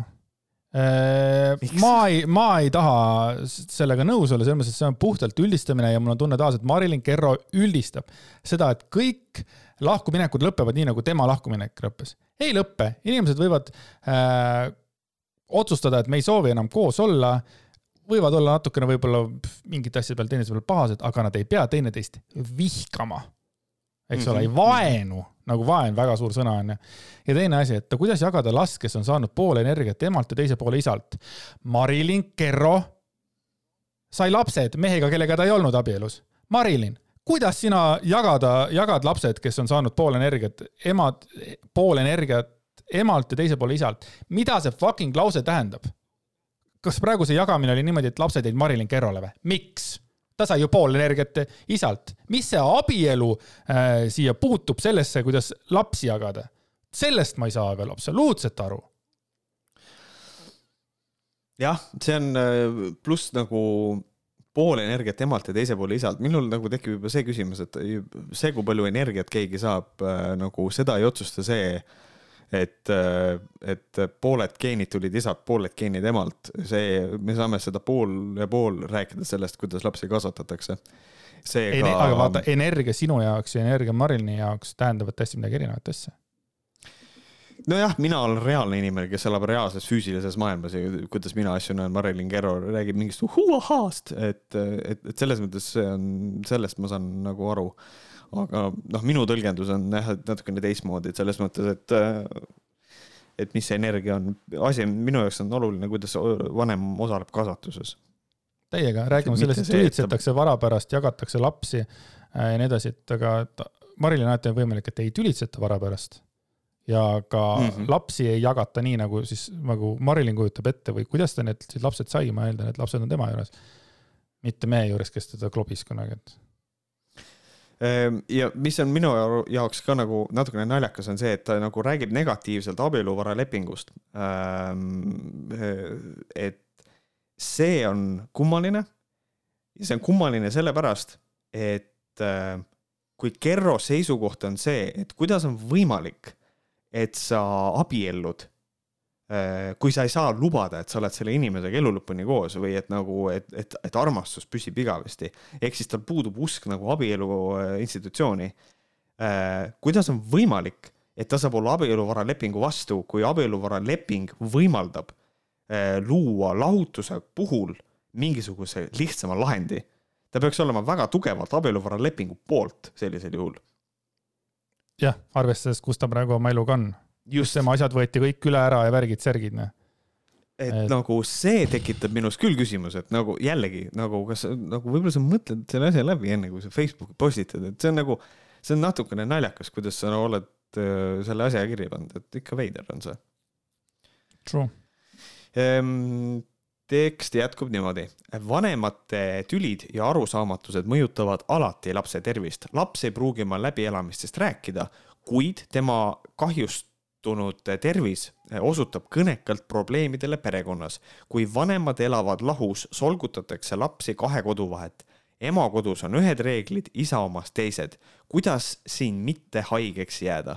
ma küsin uuesti, kuidas see on seotud abieluga ma ei tea, minu jaoks on see, et äh, Kerro silmis mulle tundub, et kõik lapsed on täielikud infantiilid, kes suudavad õppida selgeks ainult ühed reeglid ja that's it.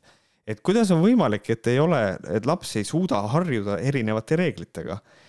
selles mõttes, kas lapsed võivad käituda koolis täpselt samamoodi, nagu nad käituvad kodus? ei seal on, et ühesõnaga, siin me võime öelda seda ka, et laps, kui koolis käib, et noh, siis ta jääb ka haigeks selles mõttes, et seal on erinevad, erinevad reeglid.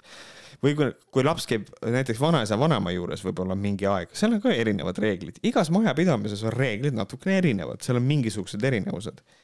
et äh, miks on vaja nagu võtta nüüd see probleemiks see, mis nagu, mis nagu võib tulla, on see, millest ta nüüd varsti ka räägib, mis on see, kui kui üks vanem võib-olla natukene üritab ruineerida teist vanemat läbi lapse, sellest ma saan aru, siis on, see on nagu nõme ja see, siin on omaette probleemid.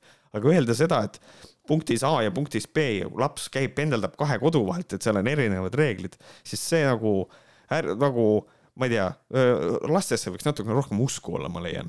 et nagu see ei ole, see ei pea ilmtingimata olema mingi lapse haigeks tegemise nagu asi aga ühes on ikkagi Marilyn õigus ka, vanemate tülid ja arusaamatused mõjutavad alati lapse tervist. et äh, mina olen sellega sada protsenti nõus, äh, kui mitte füüsilist tervist, siis vaimset tervist kindlasti. jah, jah, kindlasti, jah. nii, hiljuti tuli minu vastuvõtule kolmekümnendates aastates naine, ta oli lahutatud, kuid kohtuotsusega määrati poeg elama tema ema juurde isaga kohtus poeg nädalavahetuseti ja naasis sealt iga kord, nagu oleks ära vahetatud. aga isa lubab mul öösiti arvutis olla, ta ostis mulle jalgratta, korrutas poeg. loomulikult oli naine endast väljas, sest temal selliseid rahalisi võimalusi polnud.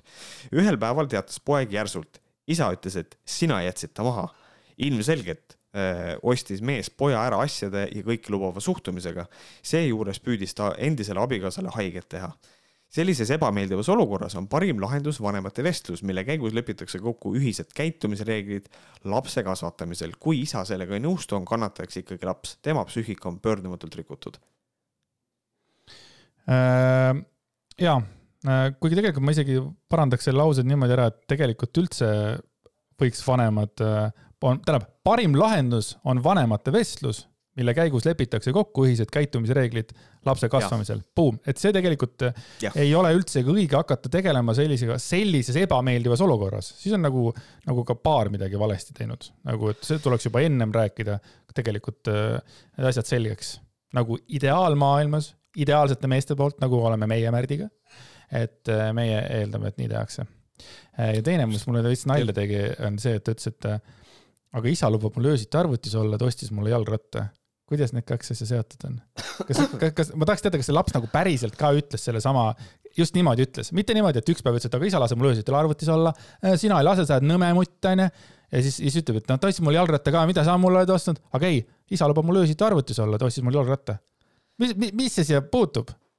mulle meeldib äh, tegelikult, mis, mis, mis, mis mulle pakub kõige rohkem nalja, on see, et äh, siin on nii selge nagu väike error on sees, no mitte error, aga noh, see on lihtsalt tore no., et et isaga kohtus poeg nädalavahetuseti, mis tähendab seda, kui, kui, kui lapsel on etteheide, et isa lubab mul öösiti arvutis olla, siis ema vastus on, sest et nädalavahetus on dumb fuck. mine magama. True, seda ka muidugi. Nagu, täiesti absurdne, et aga, aga, aga selles mõttes, et see käitumine, mida ta siit nagu üritab nagu välja joonistada, see on otse loomulikult problemaatiline. kui üks vanem ruineerib teist vanemat läbi lapse, siis otse loomulikult see on probleem ja see on nagu halb, nagu laps on nagu see vektor, mida nagu kasutatakse selleks nagu äh, ruineerimiseks, et noh, et siin ei ole niimoodi, et, et laps on, äh, on ainus kannataja, siin on nagu kindlasti on nagu teine vanem on ka ohver, eks ole. et siin on kindlasti nagu see nüanss ka sees, et, et otse loomulikult ma võin tuua näite ka minu peretuttavad olid niimoodi, et äh, läksid lahku ja siis äh, juhtus selline fun asi, et äh, tekkis nii-öelda kärgpere, mida ei saa kärgpereks nimetada, sellepärast et see eelmine abikaasa, noh, seal läksid suhted nagu üsna koledaks ja siis peretuttav abiellus siis uue mehega ja see uus mees tõi endaga sinna leibkonda kaasa oma ühe tütre. Ja siis olid niimoodi, et olid äh, naise kaks last ja siis mehe üks laps. ja mis siis juhtus, oli see, et eh, sünnipäev oli eh, ühel lapsel ja naise, noh, naise ühel lapsel oli sünnipäev ja siis isa, nagu nende laste isa, kinkis ühele lapsele ja samal ajal nagu, kuigi ühe lapse sünnipäev oli, teisel ei olnud, siis ka tema isa kinkis mobiiltelefonid, kaks tükki. Mis tähendab seda, et nüüd mehe, uue mehe lapsel ei olnud mobiiltelefoni, mis on täiesti selge nagu äh, nagu suck on this tegelikult, et nagu see on tegelikult väga nõme kink, mis tähendas seda, et nüüd on vaja osta sellele teisele ka mobiiltelefon, onju. ja kes mobiiliarvet kinni hakkab taguma ja siis see oli nagu see aeg, kus kohas ma sain äh, nagu aru, et noh, tegelikult ikka sihuke ruineerimine käib. Ja, ja siis pärast tuli välja, seal oli igasugu muid asju veel, aga see oli selline esimene avalik, sest ma mäletan seda, kui see perepoeg võttis mobiiltelefoni välja, oli jumala õnnelik, ma mäletan lihtsalt äh, ta ema nägu, mismoodi ta oli lihtsalt Jeesus Kristus, Jeesus Kristus, kolmkümmend kolm kümme oli see veel, vana ja Nokia aga kas siis ta hiljem ka, siis kui teisel pojal oli sünnipäev, kinkis ka siis selle teisele poisile ka sama asja huvitav või?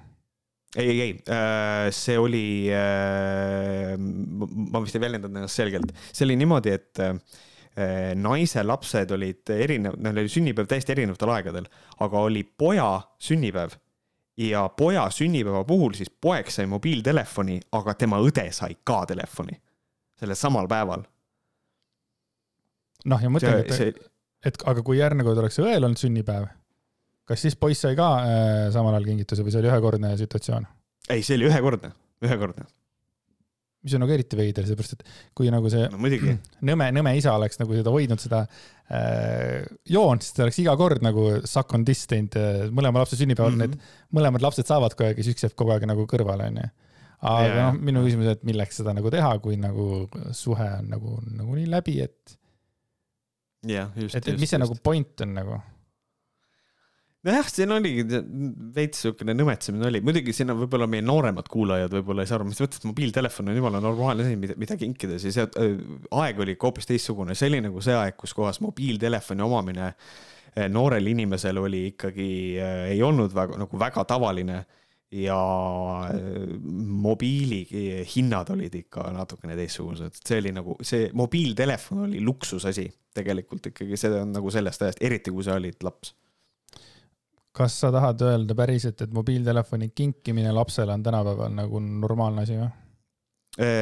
tunduvalt normaliseeritum, kui ta tol ajal oli. nagu võrreldes neid kahte aega, siis ta on tunduvalt normaliseeritum kindlasti ja selles mõttes, et no ega praegu tänapäeva lapsed on teadlikumad ja ma arvan, et nendel ei sobi enam igasugused telefonid.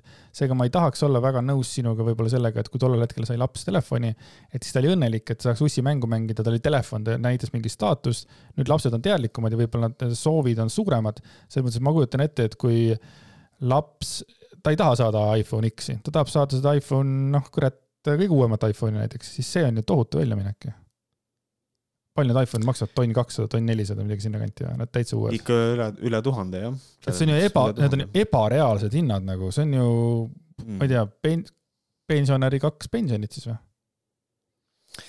et saada üks äh, freaking iPhone, et, et see on ka ikkagi tegelikult päris, päris hull, mis on nagu vahe on selles, et praegu saab neid äh, võtta nagu järelmaksu peale ja mõned inimesed teevadki seda mm. -hmm. et nad ei pea kohe välja käima, see tonn, kaks tonni oli seda tegelikult yeah, ei, vanasti, vanasti sai ka, ma mäletan ka, ma sain ka selle Tele2-ga sain, ma esimese Mobla sain, siis mul oli ka mingi Tele2 mingi see pakett, ma sain mingi sinise Motorola. Äh, ja siis oli ka mingisugune, ma ei tea, kaheaastane leping, aga mu ka vanemad maksid mingisuguse aja seda vaata ikkagi telefoni. õudne yeah, telefon oli ta. too Motorola oli siukene yeah. sitt. hiljem ma sain kolmkümmend kakskümne, siis sain kolmkümmend kolmkümne. Need olid head telefonid. ja, ja olid, olid jah muidugi ma ei mäleta üldse nagu võib-olla keegi täpsemalt teab meie kuulajatest, vaatajatest ka, et kui palju, et kuidas on võrreldav tollel ajal uus Nokia kolmkümmend kolm kümme versus tänapäeval uus mingisugune flagship nutitelefon, et huvitav, kuidas nende hindade nagu see suhe on? aga mis suhe on paigast ära on äh, telefoni kõnede hind, sellepärast et meie perekond sai üheksakümmend kuus aasta sai endale esimese mobiiltelefoni, mingi Nokia oli, ta oli sihuke suur klots. Äh, me ostsime selle peretelefoniks või isa ostis selle nagu peretelefoniks, kuna meil ei olnud ju tavatelefoni, sest et siis pidi inimesed pidid kolmkümmend aastat järjekorras olema, et saada tava, tavatelefon. taas noored kuulajad ei saa sellest arugi, onju. aga ma mäletan seda, et üks minut maksis seitse krooni viiskümmend senti aga tavatelefonil, tavatelefonile helistamine oli mingisugune, ma ei tea, kaksteist senti või. et seitse viiskümmend oli üks minut, mis tähendab, et jutud räägiti kiiresti ära. joo, Peeter, oled ja. kodus, davai, ma tulen, ruttu ära, siis vaatad, ahah, kaheksa sekundiga sai räägitud, arvutasid peas, okei okay,, see läks mul nüüd viiskümmend senti maksma, onju. et see Mingi on küll. ja see oli ja et selles on see, et telefoniarved olid ikkagi, sa pidid kogu aeg jälgima seda, iga sõnum maksis ja praegu meil on ju kõik on selle mingisuguse raha sees, onju noh, okei okay,, see kakskümmend euri või, või palju see on, ütleme kuutasu keskmiselt, see ei ole väike summa. aga meil vähemalt ei võeta raha lihtsalt selle kõne eest. meil on ka terve, terve see maailm on taskus, noh.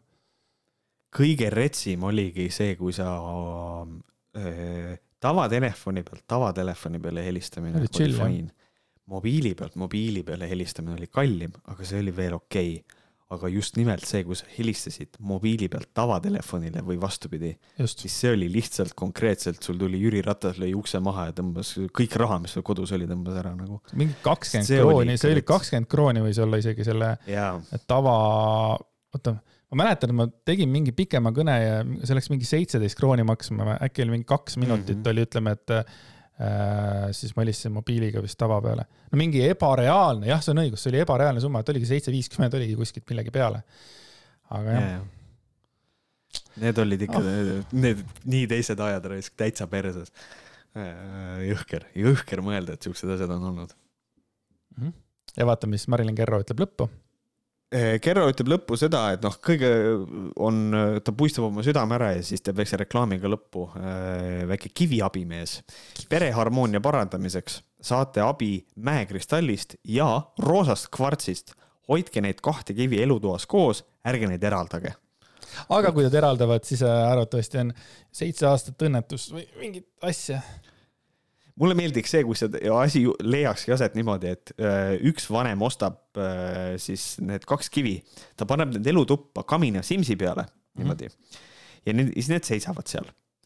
ja siis teine äh, vanem mingil põhjusel võtab ühe kivi ja viib selle eemale, nagu eraldab need üksteisest. ja sellest saab alguse tüli selle kivi liigutamisest. sa ei tohi neid kive eraldada, sest kui sa eraldad, siis me läheme ju lahku ja see tüli eskaleerub nii palju, et nad lähevad selle pärast lahku. See oleks cool. ja siis Marilyn Kerro ütleb, ma ütlesin seda, et neid ei tohi lahutada, vaata. aga tegelikult oli Marilyn Jah. Kerro kivi oli süüdi. just, see oli see äh, Jah. primer. aga issand, mul oli mingi mõte, ah pohhui. igatahes tahtsin veel äh, öelda nendele, kes ei ole meie Patreonid, siis eelmisel nädalal tuli kõige pikem Võhkõrite saade välja Patreonis, kaks tundi nelikümmend kaks minutit ja seal me rääkisime sellistest, sellistest vahvatest teemadest nagu paljas porgand äh, kihutab autoga ja normaliseerub ostlust. Silvia Ilves on täiesti segi läinud ja seal oli veel, seal oli nii palju teemasid, et see oli peaaegu kolm tundi lihtsalt äh, puhast rõõmu, et kes te ei ole peaaegu veel Patreon, jah. jah, www.patreon.com, kaldkriips, vohkarid ja imeväikese raha eest, see on tegelikult viis eurot äh, kuus. Te saate kaks lisasaadet, kaks lisasaadet. arvestage sellega, et tavasaateid tuleb kuus kaks tükki ja Patreoni tuleb veel kaks tükki lisaks ja need on veel pikemad, nagu see viimasel ajal järjest pikemaks lähevad. ma vaatasin meie Patreoni exit survey'sid, need on need, kes välja läksid, siis ära läksid äh, meie Patreonist, siis üks oli kirjutanud, et, et äh, Võhkarid wasn't as active äh, as ta arvas, onju. Mhm. mulle niimoodi, what? Meil on kirjutatud, et kaks lisasaadet kuus, me ei ole mitte kordagi äh, oma kuulajaid selles mõttes äh, alt vedanud, et oleme teinud ainult ühe või midagi taolist, ei, isegi siis, kui me olime haiged, ma mäletan, me tegimegi ainult kaks saadet, tegime detsembris vist kunagi taolist. Need olidki mõlemad Patreoni, et selles mõttes, et, et Patreonid saavad alati oma kaks saadet äh, kätte, kui me päriselt ära ei sure selles mõttes. ja kui surevad siis just. äh, ongi variant niimoodi tegelikult, et äh, kui emb-kumb meist ära sureb, teeme kokkuleppe, siis äh, emb-kumb võtab endale kaassaatujaks Hugoja. ja, jah, just, just, ma nägin ja sa kirjutasid Twitteris ka, et. sest ta, ta kirjutas. kunagi äh, tweet'i sellest, et äh, mis on toimunud ja mis ei ole ja et ta ei olegi veel saanud kolmandaks võhkariks, vaata. et ja, siis äh, just. nüüd ta on abielus. palju õnne abiellumise puhul, abiellumise puhul äh, Palju, et, et nüüd me oleme kõik abielumehed siin, tead. Ja nüüd, ja nüüd ongi, see on, see on Võhkariigiks saamise puhul väga oluline. ja see on väga, see on, see on. põhi, see on põhiteema tegelikult, sest et äh, see on Märt meie jaoks mind, püha. ja Märt tahtis mind juba välja visata tegelikult Võhkarites siin kahe, kahekümnendate seal lõpus ja ma ütlesin talle, et ma kaks tuhat kakskümmend üks alguses kohe abiellun, et äh, ma ei öelnud talle, et ma ei ole abielus. aga see tuli välja, kuna ta avastas, et mu abikaasal on perekonnanimi teine. ja ma ei suutnud välja Mhm. mõelda kohe, et nad- ta on uue aja naine ja ta jättis enda perekonnanime, sest kõik teavad ta selle perekonnanimega, noh. Ta on kuulus mm. Mhm. nii, Ähm, Lähme Aga- edasi, oleme oma promode ja kiidusõnad ära teinud ja nüüd öö, oleme Kerrost rääkinud. nüüd mõtlesime, et keeraks nüüd vindi põhja ja võtaks teemaks öö, legendaarse Eesti öö, mõtleja Aleksis Varnum, ja, ja kes öö, tema tegi jagab oma mõtteid Facebookis, mulle nii meeldib, kus me hakkame teineteise peale lihtsalt räägime ja siis me räägime ja siis räägime ja siis saame aru, et me Mhm. ikka räägime. aga selles mõttes, et keegi, me ei lase teine, me ei lase nagu segada ennast. kui sina tahad rääkida, siis sina räägid ja kui mina tahan rääkida, ma lihtsalt räägin ma lihtsalt räägin sulle lihtsalt suvaliselt peale. aga jaa, Aleksis Varnum, kes kirjutab raamatuid ja on suur mõtleja, nagu härra Koik seal teises äh, Eesti otsas ütles, siis nüüd ta on kuidagi, tegutseb ainult Facebookis. ja vahepeal muidugi Alkeemia jagab tema artikleid, aga Facebook on otseallikast. seega Facebooki postitus Aleksis Varnumilt. maailmas toimuvate muutuste intensiivsus kasvab. selline tunne, et toimuvatele sündmustele, Covid ja sõjaline konflikt, varsti lisandub uudis, et maad ründavad tulnukad. see oleks järgmine etapp maailma muutuses ja hea teema, millega mõjutada inimkonda. Samas väga kerge taas suunata inimeste tähelepanu mujale ja viia ellu oma varjatud plaanid. elame huvitaval ajal ja juhtuda võib mida iganes. kui sa viimane aeg oled tundnud rahulolematust ja oled olnud emotsionaalne, see on sinu keha omadus, mis proovib kohaneda toimuvate muutustega. keha kohe reageerib sinu hirmudele ja sa tunned valu kehaorganites. tead, äkki sa soovid neid kommenteerida, enne kui ma jätkan? kuule, tead, võtaks paar asja jah, et ähm, ma näen, sina oled ära märkinud selle, et ta viitab mingisugustele varjatud plaanidele. ja ma eeldan, et sinu probleem on see, et mis mis need need varjatud on? plaanid on. just, et, et siin on lihtsalt minu jaoks natukene siukene, palun vabandust, see on natukene filosoofiline mõte, aga kuidas on võimalik olla teadlik, et varjatud plaanid on olemas, kui sa ei tea, mis need on? Ehk siis, kui sa ei ole teadlik, et äh, mis neil plaanis on, ma võin ka öelda, et Andresel on varjatud plaanid. okei okay aga kui ma ei oska neid nagu kirjeldada, sest et varjatud plaanide all me võime nimetada asju, kui me teame, mis see plaan on ja me teame, et mis tahes instants, mis tahes äh, inimene, indiviid tahab neid plaane ellu viia, ta varjab neid, ta eitab neid, siis me võime öelda, et need on varjatud plaanid. Aga kui me, kui meil on lihtsalt see, et mingisugused varjatud plaanid ja, ja me ei kirjelda neid, mis need on, siis lihtsalt no halloo, milles on nagu, millest me räägime. aga see on natukene Varro Vooglaiulik lähenemine ka, milleks on noh, see vana hea, et kommentaare tuleks ülearus, et mis on nagu see, et me laseme, me laseme jälgijatel otsustada, mis need varjatud plaanid on ja siis me saame ise lihtsalt push ida oma juttu, et, et mida iganes, mida iganes me, me nagu tahame rääkida. Et see on minu kommentaar sellele, mis siin praegu on see oli ainuke kommentaar, mille peale sa tulid praegu või? tähendab, see on ilus kommentaar, ära, don't get me wrong, see oli väga hea. lihtsalt see, et ta ütleb, et, et maad ründavad tulnukad. kas see ei ole põhiteema tegelikult, milles praegu siin probleem on, et ta, ta räägib sellest, et maad ründavad tegelikult tulnukad, sest see oleks nüüd hea teema, millega taas mõjutada inimkonda.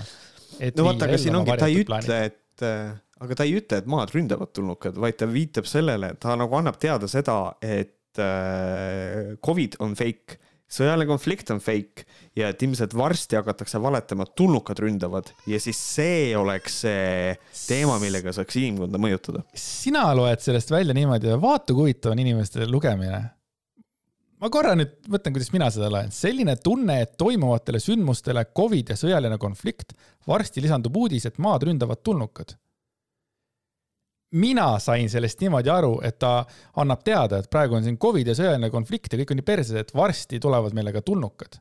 ja see on järgmine jah, samm aga siin mingisugune... ongi äh, ei no sinu omad nüüd laused näeb, nagu tõmbavad jaa. sellele äh, ei, see on nüüd loogiline, see on loogiline, kuidas sina ütled, vaata, aga mina lugesin seda jälle oma nagu siniste silmadega, nagu mul nüüd on, eks ole, niimoodi seda asja. ma lihtsalt tahan, et Aleksis Varnum ei oleks nagu full psycho, et nagu äkki ta ikkagi mõtleb, et oh, varsti ründavad tulnukad, mitte niimoodi, et ta nagu dead serious, varsti lündavad meid tulnukad, ta ongi dead serious, Märt. see on. on, selles mõttes ta on.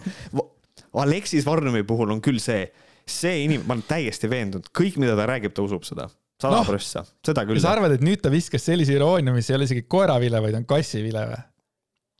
Noh, see on kirjutatud irooniliselt, mina funktsionaalselt lugedes saan sellest niimoodi aru. aga minul puudub funktsionaalne sellest... lugemisoskus hetkel. okei. nagu sa oled alati kõiki süüdistanud. ma olen ka siis samas paadis praegu. aga näiteks äh, magu võib reageerida hirmule, kui sa kardad hinnatõusu ja kuidas sa elad talvel. äkki võib tulla mõte, et tuleks siit põgeneda. inflatsioon on nii kõrge, et varsti sööme kartulikoored kaotame oma elamispinnad, sest ei jaksta maks-, sest ei jaksa maksta arved ja laenud me oleme pinges sellepärast, et tunneme, et meid igapäevaselt midagi ohustab. sellest suuremat osa mängib meedia enda uudistega. et And,. Andres, kuule, ta on ju eestlane. ei ole. mis asi ta on siis? ta peaks olema venelane. on sellepärast, et lihtsalt see tekst on nii armas, see, mismoodi ta on kirjutanud, see on, see on, see on, see, see on absurdne. inflatsioon on nii kõrge, et varsti sööme kartulikoored. tegelikult, kui ma mõtlen, siis see on jah, venelane kirjutaks niimoodi. Äh, ja siis on, ei, ei jaks-, ei jaksa maksta, ei jaksa maksta arved ja laenud. jah, see on suht sihuke slaavik tegelikult. jah, tegelikult sul on ilmselt õigus. mina olen kuulnud seda, minu arust ta räägib suht puhast eesti keelt. miks ma tean, et ta venelane on? Jesus, kui palju valeinfot ma suudan ühes päevas anda ta on käinud äh, selles kuradi hullumeelses saates Puuduta mind ja minu arust ta rääkis ja. seal ja jättis vähemalt mulle mulje, et nagu tema eesti keele oskus ei ole küll nagu väga nagu vajaka. aga võib-olla ta, võib-olla see on üks nendest juhtudest, kus kohas inimene kõneleb hästi, aga nagu that's it, kirjutada ei oska. ma praegu hakkan äh, kartma, et mul ei ole õigus, seega ma ütlen, et ta kirjutab nagu venelane, seega ma eeldan, et ta on venelane. et äh, noh, nii on lihtsalt varsti tõmbame kartulikoored. kas see, kas see ei ole hea asi, mida kellelegi öelda? tere, sa kirjutad nagu venelane. aga, Aga aga, aga, kui ta ei, aga kui, aga kui ta on venelane, siis see ei ole tegelikult solvang, ma tegelikult äh, ütlen, et ta kirjutab nagu venelane, sest noh, ta ongi venelane. sest et see on suht tüüpiline viga, mida minu arust, mul ema tuttav on ka venelane ja tema, temal on elanud Eestis ma ei tea kui kaua, aga tal on täpselt sama probleem, et ta moodustab ka nagu kõnes lauseid, et eh, mul, noh, maksan arved ära eh, kõik, eks ole, aga ta kasutab sedasama eh, sõna arved täpselt samamoodi, et ei jaksa, noh nagu noh, võrdluseks nagu Aleksis Varnemiga, ei jaksa maksta äh, arved, mis on nagu ja, ja laenud Ar-. arveid, sa mõtled, aga jah.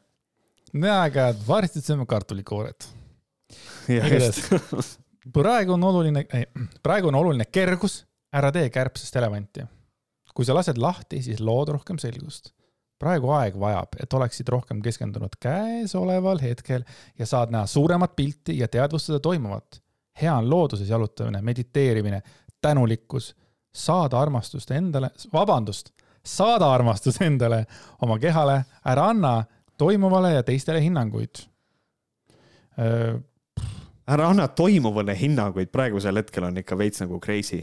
Tegelikult, et aga nagu selles enne mõttes, what do you mean? no ta ütles ka ju ennem sellepärast, et me oleme pinges sellepärast, et tunneme, et meid igapäevaselt midagi ohustab. sellest suuremat osa mängib meedia enda uudistega, mitte sõda. ei, ei, ei mitte, mitte sõda, ei, mis meedia, meedia on see kuradi kuri vaim, ma ütlen. kurat, ära anna hinnanguid Eriti- noh.. eriti perses on see, et nüüd ongi sõda, mis tundub, on võtnud täiesti nagu, täiesti pöörase pöörde, mis on nagu see, et nüüd äh, äh, ukrainlased nagu ühel hetkel otsustasid, okei okay,, lükkame Putinile, palun vabandust, ma seda väidet kasutan, aga see on lihtsalt äh, antud kontekstis väga õiglane. nii, nüüd me lükkame Putinile sita perse tagasi suruvad kõik vennad piiri peale tagasi ja siis äh, seda ka, ka kasutasid ära Aserbaidžaanid, kui nad nüüd äh, selle saate salvestamise päeva varahommikul ründasid Armeeniat, mis tähendab, et nüüd läheb seal sõjaks, mis on suht fucked up. aga see kõik, meedia teeb seda, meie peame, meie ei tohi hinnanguid anda, ütleb Aleksis Varnum. just. mõistus on harjunud välja elama ja tasakaalutunne, mida soovid saavutada, on talle võõras. oota, ma korra mõtlen selle lause uuesti läbi. mõistus on harjunud välja elama ja tasakaalutunne, mida soovid saavutada, on talle võõras. okei okay,, ma sain aru. Me oleme harjunud sellega, et selleks, et hästi elada, meie elu peab olema keeruline ja raske, midagi ei saa niisama, seda peab välja teenima ja raskelt töötama. see on öö, sama jutt, mida räägivad kõik tänumaalased hetkel, on see, et raha ei Jaa. pea raskelt tulema. nagu selles mõttes, et ta Jaa, pani selle lihtsalt ra- raskemasse, raskemasse keelde kolme rea peal nagu lihtsalt laiali. raske, keerulisem on, on, on, aru saada, Aleksis Varnum teeb siukseid sõnapuslesid, et siis, siis saad aru. aga küll jah, see mentaliteet on jumala õige, jah. Aga selliseid lauseid- aga aga selliseid lauseid lugedes ma ikkagi arvan, et ta ei ole venelane, seepärast et mina eestlasena ei suuda selliseid lauseid välja mõelda. kuidas seda, kuidas see on võimalik, et sa nagu ei oska onju eesti keelt ja sööd kardu, kardulisid, mida, mida iganes, karduled, kardul, mida ta kirjutas sinna, kardu, kartulikoored, aa, sööd kartulikooret. kuid need programmid pole tegelikult meie. Need on vaid väljaelamise mudelid, kuid ka need olid vajalikud mõistuse arenguks. nüüd aga me saame näha, et liikumine mööda eluteed võib olla rõõmus ja kerge. kui me oleme kõrgemates vibratsioonides, me saame vabaneda veendumusest, et elu peab olema raske ja keeruline selleks, et saaksime mm, areneda ja kasvada. järgmised kuud on täis rõõmsat kasvu ja muutused toimuvad et äh, oh, aitäh, Aleksis. see haris mind ja tõesti hea. ja vibratsioonid, vibratsioon on järgmine asi, millega tegelevad kõik tänumaalased, Jaa. uhuulised ja kanaldajad ja mis nad kõik on, lollakad valmis, et, et vibratsioonid, kõrgemad vibratsioonid. me saame vabaneda veendumusest ja nii edasi. ma, see on muidugi asi, mida ma nagu tahaks äh, kunagi, ma loodan, et äh, kui keegi on seda kunagi elus kogenud, siis palun andke teada, et oled näiteks Tinderi date on ja siis äh, järgmisel hommikul öeldakse sulle, tead, kuidagi ei klapi, su kuradi võnkesagedus on lihtsalt, mulle ei istu raisk. midagi sellist, et hakatakse vibratsioonidest rääkima, see, see ole, see oleks fun ja tore. Aga nüüd äh, Varnevi pealt kiiresti. Äh, lähme edasi natuke elulistema teemade juurde ja mis saaks olla tähtsam teema kui see, kui keegi on vihane selle peale, mis teisel inimesel seljas on. selle jaoks on olemas Delfi naistekas. Delfi naistekas on siis välja lasknud artikli pealkirjaga Kõik on näha ja uhkust kõik on näha ja uhkust veel ülegi kus kohas siis naine küsib, et kas see jõle pükste mood on tulnud selleks, et jääda. Ehm, ja see on, see on niisugune tore väikene, väikene naljakas äh, artikkel, sissejuhatus on artiklile selline.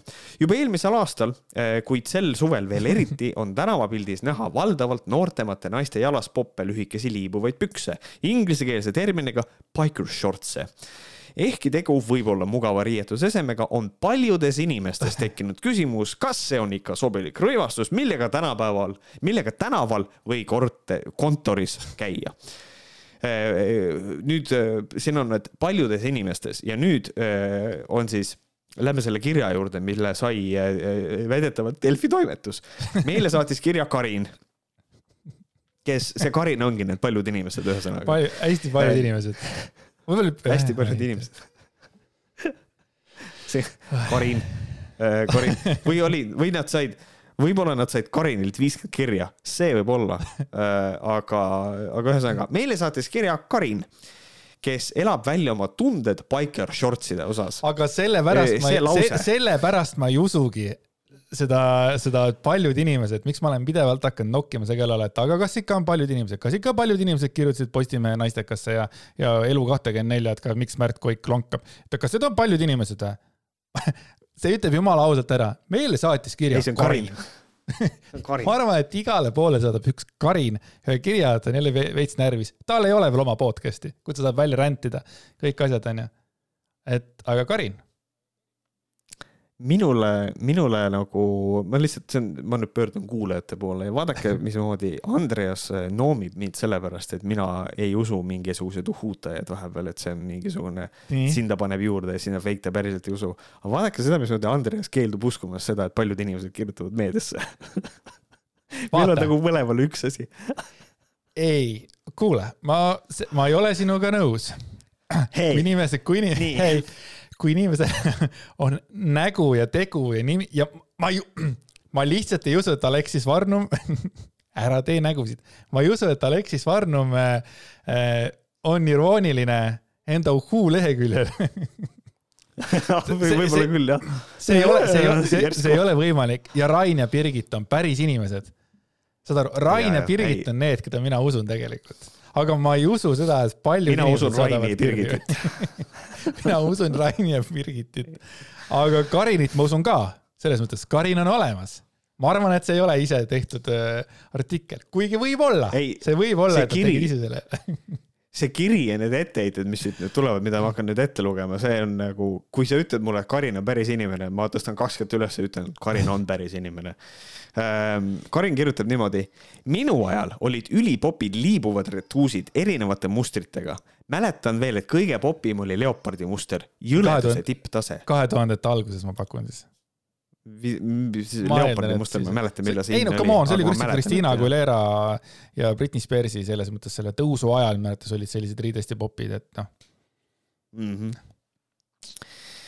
jõleduse tipptase, aga nüüd on tänava moodi imbunud uus jubeduse muster needis, biker shortsid. Nagu nimigi ütleb, võiks need ju kuuluda rattasõidu juurde, et head veidi pikemad liibukad, et reied omavahel vastu käies ära ei hõõr-, ei, ei, ei hõõrduks. aga no kus sa sellega vaata vaid, eh, vaata vaid tänaval või jumal hoidku kontoris ringi ja kõik tulevad uhkelt nendega vastu.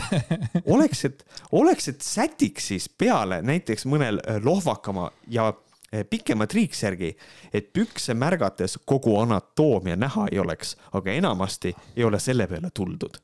teeme väikse pausi ja arutame ehm, esimene küsimus. kontoris ringi ja kõik tulevad uhkelt nendega vastu mina töötan kontoris, et äh, ma võtan enda seisukohalt, mina ei ole näinud mitte kunagi ühtegi inimest biker shortsist, rääkimata sellest, et kõik tulevad uhkelt nendega vastu. et minu küsimus ongi, et kus ta töötab, kas töötab rattapoes või, või tähendab kuskil, kuskil, kuskil, ma ei tea, kuskil, kas ta töötab jõusaalis näiteks ja siis kõikidel on need biker shortsid? Või ma ei saa, ei, kontor, ma, ma ei, ma ei saa aru, kus ta töötab või ta töötab kontoris ja, ja kontor esindab ettevõtet, kus toodetakse ainult biker shorts'e võib-olla siis mingisugune niisugune asi fuck I hate this.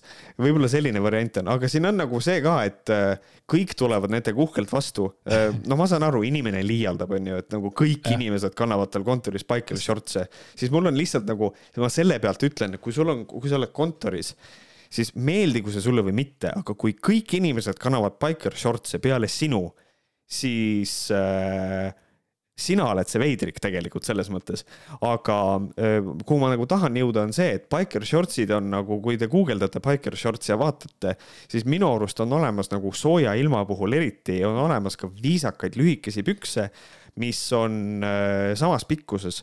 ehk siis võib-olla on lihtsalt, on olukord see, et ta vihkab biker shorts, aga tegelikult ta vihkab lühikesi pükse üldiselt ja ta ei, lihtsalt ei saa aru, mis asi on biker shorts ja mis asi ei ole.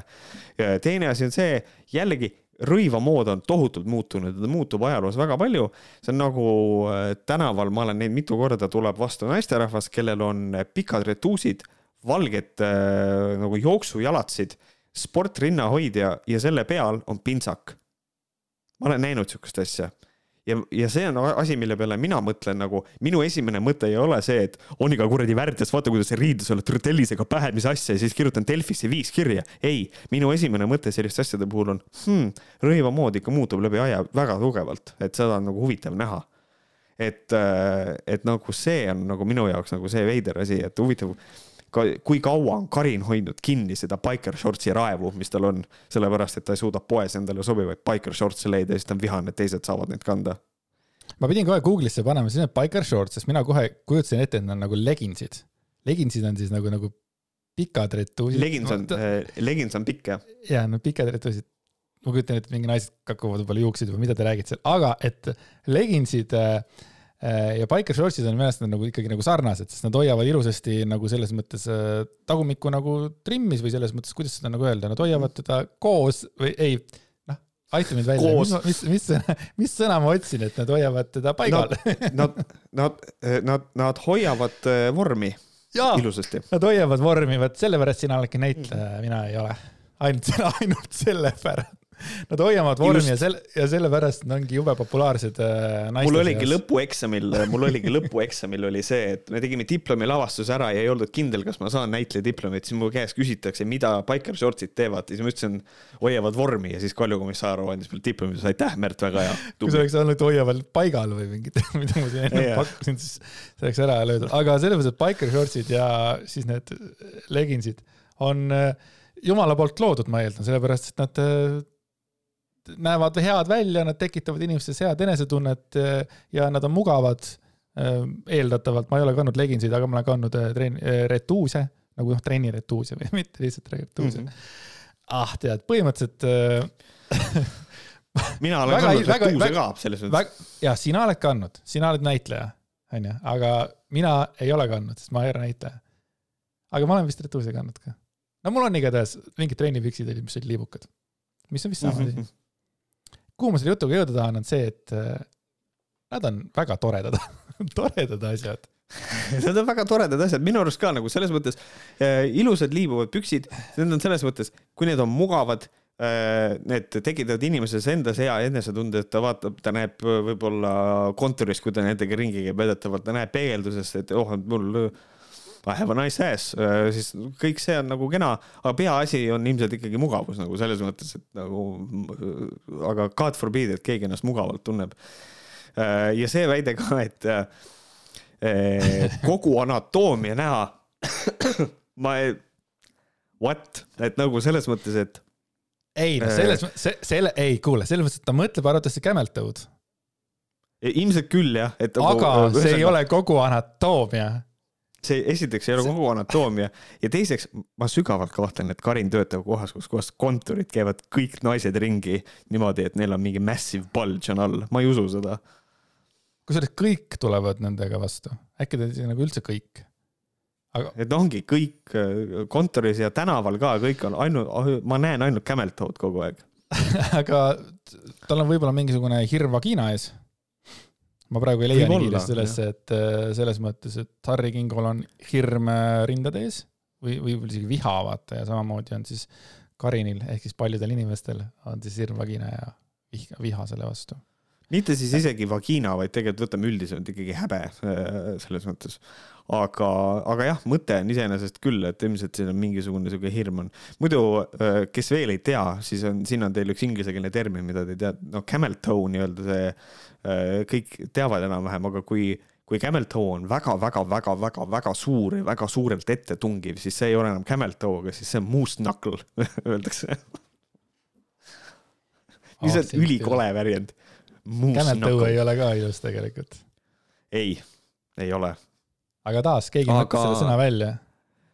ja keegi. ja patenteeris selle ära. How do I call this? patenteeris oh. just. jah Uh, siis uh, Karin jätkab uh, selles mõttes see värk, värk ikkagi väga-väga häirib teda ja ütleb, et tänavapildis ja kontoris võiks ju ometi säilitada mingisuguse arusaama viisakast riietusest. ja sellepärast, et tänava, tänavapilt on nagu see, täna, tänav ja kontor on üks-ühele, selles mõttes minu ja. poolest võivad inimesed käia, millega nad tahavad seal. kui on naljakas, eks ma naeran omaette, aga nagu pohhui. aga just need panna juba kaks asja, tänav ja kontor. seal peaks ikka viisakas olema. ja just, et noh, minu arust on nagu see, et äh esiteks, kas sul on töö juures on dress code? ei ole. jää vait, Karin. Äh, kas tänaval pild, kas, ka kas tänaval on dress code? mõtle hästi järgi. miks ei võiks inimene tänaval käia, nagu tänaval käimine on nagu konkreetselt see, kus kohas me puutume kokku igasuguste riietega. kui sa näed kui sa näed nagu ütleme eluheidikut, kas sa siis ka mõtled, et miks ta nii koledasti riides on, kusehais on juures? kas tekib ka nagu, nagu see, et ta on nagu sitt inimene sellepärast, et ta on nagu koledasti riides ja ta ei ole nagu pesnud ennast või nagu, nagu millest me räägime nagu selles mõttes, et äh, miks ei võiks tänavapildis inimene olla selline, nagu ta tahab olla. kui sul on töö juures dress code, siis on võib-olla teine asi, onju. aga kui töö juures mitte kellelgi ei ole biker shortsidega probleemi peale sinu. Sorry, Karin, aga kao minema, noh võib-olla sa töötad vales kohas, võib-olla mine tööta seal, kus on dress code. objektiivis vaata... näiteks, seal on väga hea dress code True, aga kontoris on nagu selline kirjutamata reegel, et naised on nendes seelikutega, vaata need üle, üle põlve seelikud on äh, liibuvad ja siis on mingi siukene mingisugune nagu särk ja no mul nagu stiil mees, niisugune on. ja meestel on vähemalt äh, noh, kui ei ole nagu viigipüksid, siis on vähemalt nagu noh, viisakad teksapüksid on ju ja siis on ka mingisugune särk on peal, just triiksärk on ju. et äh, meil oli töö juures sellega oli ei olnud nagu skandaal, aga väikene nagu niisugune märkus tuli ühe suurema bossi poolt, et, et meil on ka läinud see veitsa nagu, no suvel oli soe, mis tähendab, et yeah. mina, siis üks teine härrasmees ja siis veel paar härrasmeest olid äh, lühkaritega ja plätud ja siis põhimõtteliselt T-särk, vaata. aga tema on nagu sihuke vanakooli mees veel, temal on ikkagi nagu noh, kindel riietus ja rääkis, kuidas vanasti ikkagi oli, et, et siis oli ikka niimoodi, et kõik mehed käisid niimoodi riides et see on ikkagi selline mingisugune kirjutamata reegel, kuidas peaks kontoris käima ja, jah, äh, muidugi sellele, tead, mis asi, aga, aga tema ajal oli ka kliima oli teistsugune. Äh, see on minu, oleks muidugi hea vastus talle kohe tege,. ei, tegelikult, tegelikult ei süüdistanud, ta rääkis selles mõttes nagu vanast ajast, kus nagu oligi üks boss, kes nagu tegelikult nagu nõudiski seda. aga ma saan aru, et inimestel on jäänud okay. tegelikult selles mõttes seda kontori, noh, minul ka, kui mul öeldakse kontoririietus, ma tegelikult kohe tean, mida mõeldakse ju sina ka eeldatavasti. põhimõtteliselt küll jah, jah et sa tegelikult ei tule selle peale, et keegi ja. kannab, et keegi kannab äh, biker shorts'e ja plätas ja lühikesi pükse, et see tegelikult ei ole nagu kontoririietus. Smart casual nagu... pigem jah, sihuke smart casual riietus mm -hmm.. jah, jah, mhm. jah, ikka on ettekujutus olemas ehm, eh, võtab kohe võdisema õudusest, kui näen kedagi kontoris nendega ringi lippamas. võib ju mugav olla, aga noorem generatsioon palun, võtke mõistus pähe. see, et keegi teile selle kohta kommentaari pole veel teinud, ei tähenda, et nii ongi normaalne ringi käia. kodus, maal, trenni tehes, vabalt. tänaval ringi jalutades või tööl olles, mõtleks selle riietumise ehk natuke ringi. miks? just, eriti, kusjuures mind kõige rohkem häirib see tänaval. miks ma ei või tänaval biker shortsides käia? Why? aga teatrit ei olnud mainitud põhimõtteliselt, kui ma lähen vaatama, kuidas Märt Koik Otellot või Kuningas Liiri mängib, onju, et siis äh, seal võib, mul võib olla biker shorts või, või legins jalas ka, on okei okay, või? oi issand jumal, võib-olla, vaata, teater on küll see koht, kus kohas äh, alati on vaja ülikond selga panna. ma ei kujuta ette, kui sa sinna läheksid biker shorts idega, ma arvan, et Karin äh, lendaks õhku koha peal. see, ma ei kujuta, vot seda reaktsiooni ma ei kujuta endale üldse ette. Kuna sa käisid viimati aga teatris, ühesõnaga, ärge kandke biker shorts'e, Karinile ei meeldi. kuna sa käisid viimati teatris, uh uh,, jesus, ma ei mäl- um,. vist oli teine august ikkagi see, kui minu lavastus välja tuli kuidas sul lavastusel läks? kas me oleme sellest rääkinud? uh,. Uh, me vist põgusalt oleme, aga läks uh, hästi, hästi läks ja nad mängivad seda siiamaani uh,, neil on, läheb hästi sellega. et tundub, et oli hea töö. oot, oot, oot, oot, oot, oot, kas mitte lavastaja peaks kogu aeg kaasas olema või? või sa tegid oma Ei. töö ära lihtsalt ja ei pea või? mm. -hmm. Ei, saad öelda, kui sina lähed kui sina lähed Kuningas Liiri mängima, onju, et siis sul ei ole lavastajat kogu aeg seal äh, lava taga või? ei, tegelikult ka või? tegelikult, tegelikult mina mõtlesin, et lavastaja on kogu aeg kaasas. ei, see on, see on üldiselt need asjad on on nagu niimoodi, et lavastaja teeb, lavastaja teeb nagu tüki valmis ja väga tavaline on see, et lavastaja on, esika on kohapeal. ja siis äh, mõned lavastajad tulevad vaatama kuskil mingisuguseid äh, viimaseid etendusi, mis äh, noh, eriti siis, kui tegu on lavastusega, millel on nagu teatud periood, millal teda ainult mängitakse aga üldiselt äh, repertuaariteatris võib-olla ta tuleb vaatama seda asja kuskil hooaja lõpus, vaatab mingit, mingit osa, aga ei, igal etendusel ta kaasas ei käi wow.. selles mõttes see asi on natukene teistmoodi ilmselt siis, kui on repertuaariteatris, kus on niimoodi, et selles teatris on lavastaja tööl, trupp on seal tööl ja siis täna õhtul on etendus ja lavastaja on ise teatris sellel hetkel, siis ilmselt on, seal on suurem tõenäosus, et ta ikkagi käib nagu vaatamas. Aga üldiselt on see ikkagi niimoodi, et ega ei käida. ma et täiesti kindel, et ta on- et ta on nagu peatreener, et ta on kogu aeg on seal lava taga ja midagi teeb, mida, ma ei tea, midagi ta teeb seal. jaa, aga, aga ei, ei ole, selles mõttes ei ole. Ja, ja isegi kui ta käib vaatamas, siis selles mõttes, et äh, üldiselt ei tule ta rääkima enne, kui äh, tükk on läbi, ehk siis isegi kui näiteks vaheajaga tükk, et ega siis ka ei ole nagu see, et käib vaheajal mingeid asju korrigeerimas, et seda ka nagu. mina kujutasin ette, kuidas ta on nagu vaata, et ta on nagu see korvpalli kuradi asi seal, kõik istuvad seal ja siis tema Vilega. näitab, kuidas, kuidas tema näitab, kuidas nagu see, kuidas see mänguplaan käib, kus sina oled seal, sina oled seal, siis ta sõimab läbi mõne, kes jube sitt oli, vaata. Märt ei andnud ennast yeah, piisavalt ja ta sõimab su läbi nagu Andres Sõber lihtsalt, et niisugune lõngus sa olid seal laval ja sa, on vaja rohkem emotsiooni, rohkem tundeid, et ma tahan näha seda, et sa armastad teda, mitte et sa lihtsalt ütled, ma armastan sind. see ei piisa sellest jaa. ja siis sa saad peapesu ära ja lähed, sa oled teises vaatuses uus mees, sest et peatreener ehk siis lavastaja tegi sulle äh, üks-null. vot tead, ja siis äh, näiteks äh, filmidega onju, aga kas filmidel on režissöör kogu aeg juures? mida sa nüüd mõtled? filmide No seda, režissööri juures, kus kohas?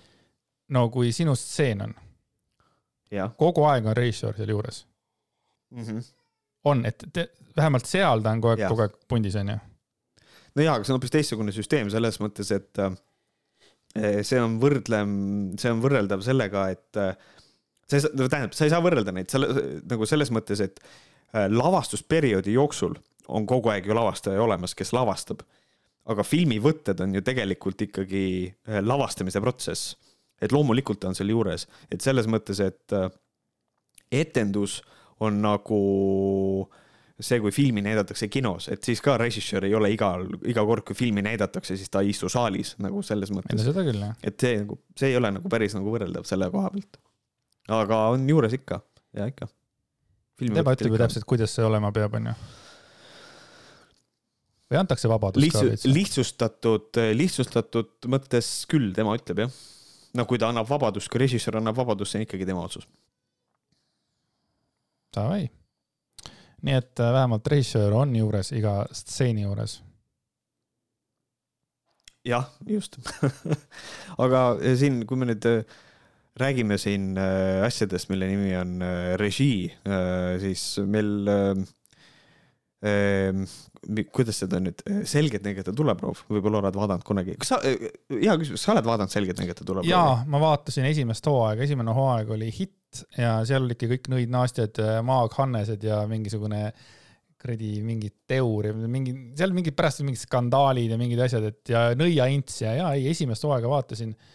ja edasi see asi, aga selgeltnägijate tuleproov tuleb kohe tagasi ja Laura Kild on ka selgeltnägijate tuleproovis ja ta rääkis, ta rääkis ühes oma story's seda, kuidas äh, ta käis äh, peol. ta käis peol ja tal oli järgmine päev väga raske olla, väga raske olla. ja et võiks ju arvata, et see on sellest alkoholist, mida ta jõi, aga ei, ta ei joonud üldsegi nii palju, ta jõi ainult paar-kolm koksi, vaid need on kõik need energiad ja kõik see, mis nagu see, kõik, kõikide inimeste traumad, kes klubis olid ja kõik need, noh, nagu järgmine päev ta nagu äh, tal oli väga raske olla tänu sellele ja siis ta tegi endale mingisugust äh, pesemist ja mingit koorimist ja mingi kümme korda tegi mingisuguseid asju, mida teha ja et, et puhtaks saada ja õhtul talle juba hakkas parem olema veits parem olema, et, et inimeste energiatest oli ta lahti saanud. et. kõlab nagu pohmakas kõlab nagu pohmakas, aga samas, kui ta ütleb, et nagu teiste inimeste energia oli tema küljes, siis mul nagu kuidagi kohe tulid mingid muud mõtted, et, et et mida ta nagu siis maha pesi sealt või nagu, et aga, aga, aga see ongi niimoodi, et inimesed ongi nagu tundlikud ja tema ongi hästi tundlik selles suhtes teiste inimeste, kuna ta on ikkagi selgeltnägija, äh, või noh, ta võta jälle selgeltnägija, ta on selgeltnägija tuleproovi äh,, Laura, et siis äh, ta ongi hästi-hästi tundlik, ta tunnetab kõikide inimeste traumasid ja, ja kõike seda, kõik mm -hmm. inimesed, kes võtab, ta kuuleb ju hääli ka arvatavasti. ma eeldan, et ta nagu kuuleb ka, mida nad mõtlevad ja, ja see, ja see ongi nagu, tal ongi fucking raske et äh, imelik, et üldse nii kaua jõudis olla, sellepärast et äh, mina oleks arvates kohe välja jooksnud, kui ma kõikide inimeste energiaid ja traumasid tunneksin tegelikult. aga ja, ei, ta, tal oli, tal oli kindlalt pohmakas. et yeah. Äh, nali naljaks ja kusi kaljaks või kes see nii ütles, ma esimest korda kuulsin seda mingisugune nädal aega tagasi. ja just, just aga siin põgusalt lihtsalt räägime sellest, et siin Eh, üks selgeltnägija tuleproovi võitja, eh, Anu Pahka on inimene, kes korraldab. kas sina oled vaadanud kunagi eh, selgeltnägijate tuleproovisid? proove, proove, proove? nagu äh, sa mõtled nagu huvi, noh niimoodi, et ma vaatan iga osa või? ja, ja, ja, ja. Never. isegi mitte esimene hooaeg. see oli ikkagi suur asi ju, Urmas Eeroli. ma mäletan, et see oli suur asi jah, siin ja, aga ei vaadanud, ei vaadanud. okei okay sorry uh,, disappointment I am. aga, aga, aga et uh, selle võitja Anu Pahka on uh, siis teeb sihukest asja, et ta korma, uh, korraldab juba kolmandat aastat järjest surmalaagrit või noh, nagu tsiteerin, niinimetatud surmalaagrit et aidata Eesti inimeste surmahirmust üle saada. Anu korraldatud laagrid on äärmiselt populaarsed ja huvilisi ei heiduta isegi nende krõbe hind. nelja päeva eest looduse rüppes küsitakse kolmsada kolmkümmend kolm eurot. see ei ole, ei, see ei ole tegelikult palju, et kui et neli päeva, see on ju alla, alla saja euro siis päev, ainult. jah, et selles mõttes ei, ei ole üldse kallis. üldiselt ma väga hindan äh, seda, et üks asi, mida ma leian, on tegelikult mõnedel inimestel on nagu vaja teha, on see, et natukene vähendada surmahirmu. et surmahirm on selline asi, et noh, inimene kardab seda, et ta sureb ära ja, ja mis asi see surm on ja kõike seda. ja siis äh, sellele on olemas nagu teaduslikumad lähen-, äh, nagu lähenemised ka, kui need, mis siin tegelikult, millega see Anu tegelikult tegeleb aga, aga tõsi ta on, et tegelikult äh, mõnel inimesel on ikkagi surmahirm. Äh, ja see on asi, millest tegelikult tuleb, äh, tuleks vabaneda, et enda surma ei tohi nagu aktiivselt kogu aeg karta. sa ei karda, sa ei karda või? ei, ei karda.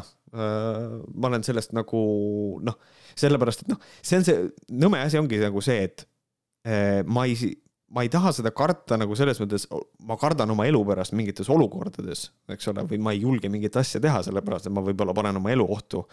aga surmahirmu all nagu reeglina peetakse silmas nagu seda, et inimene aktiivselt tegeleb sellega, et ta kardab, et ta sureb ära. et nagu see on nagu see, mis on nagu kindlasti liig. aga üldiselt äh, mina nagu surma ei karda, selles mõttes, et surm on äh, väga suur motivaator juba minu puhul selleks, et need asjad, mis ma teen ma tahan teha mingeid asju teades, et mul ei ole lõpmatuseni aega nendega tegeleda lihtsalt, et on mingisugused asjad, mis on vaja elu jooksul ära teha, siis need on, ma tegelen nendega. üldiselt arvatakse üldse, et inim-, et inimene on psühholoogiliselt kogu see, et mingeid asju on vaja teha kiiresti ja see tegu, et asjad saaks tehtud, see motivaator on see, et inimene nagu tegelikult teab, et ta sureb ära ühel hetkel, et tal ei ole aega asju lõpmatuseni edasi lükata. mis juhtuks, kui see oleks meil, et võtad tableti, mitte kunagi ära ei sure, siis noh, tegelikult sul on sitaks aega, et asju teha ju. ei ole ju vaja ju täna ilmtingimata ära teha see asi. minul on äh, hirm surmaeelse aja ees aa, see mm -hmm., okei okay,, ma saan sellest aru, jah. et mul on mingisugune tugev hirm, ma manifest-, ma mani-, manifesteerin kogemata endale e halba aega enne surma. et noh, ma ei tea nagu mm., kuna see võib juhtuda, ma ei tea, mis seisus ma olen, ma ei tahaks olla see, sellises situatsioonis, et äh, keegi peab äh, minu eest hoolitsema niimoodi, et ma ei saa mitte midagi aru. et äh, nagu mis iganes äh, keeran ära mm -hmm. või et ma nagu, et mul peab mähkmeid vahetama, mul peab noh, mingid sellised sööt, mingid asjad, et et see on see, mis mind hirmutab ja noh, kõige rohkem mind hirmutab ma... see, kui mul on, kui mul on tohutud valud näiteks. ma kusjuures arvan seda, et äh, et sa vist ikkagi pigem äh, kardad mitte seda, et keegi peab su eest hoolitsema niimoodi, et sa ei saa aru, vaid seda, et keegi peab su hoolitsema su eest niimoodi, et sa saad aru. sest et see on veits õudsem kui sa ei ole näiteks ise suuteline liigutama, aga su, aga su mõistus on nagu korras. sest et see on minu jaoks nagu õudsem, et, et olla selles positsioonis ja ise nagu aru saada sellest ja olla ja aru saada, et ma olen praegu täiesti kasutu. see on nagu hirmus küll jah, minu jaoks on see hirmus. jah, jah, sul, sul võib olla õigus aga lihtsalt ma kardan nagu, ma päriselt, ma kardan seda, seda, ma ei tea, kuidas sellest hirmust lahti saada, ma praegu üritan leida, kuidas on hirm, mis asi on hirm surma ees, aga noh, äkki ongi surmafoobia siis või? ma ei leia seda kuskilt uh,. ma ei tea, oota ma... kuidagi hirm surmas, ma ei tea, kas, kas see oli Jung või Freud või keegi ütles sellega äh,, Thanatos vist on, kasutati vist, et äh, hirm surma ees, surmahirm on see üks motivaatoreid, ma ei, aga selle foobia nime ma ei tea. aga ma tean näiteks, mis asi on äh, hirm sperma ja seemnevedeliku ees, see on spermatofoobia ja lihtne. spermatofoobia.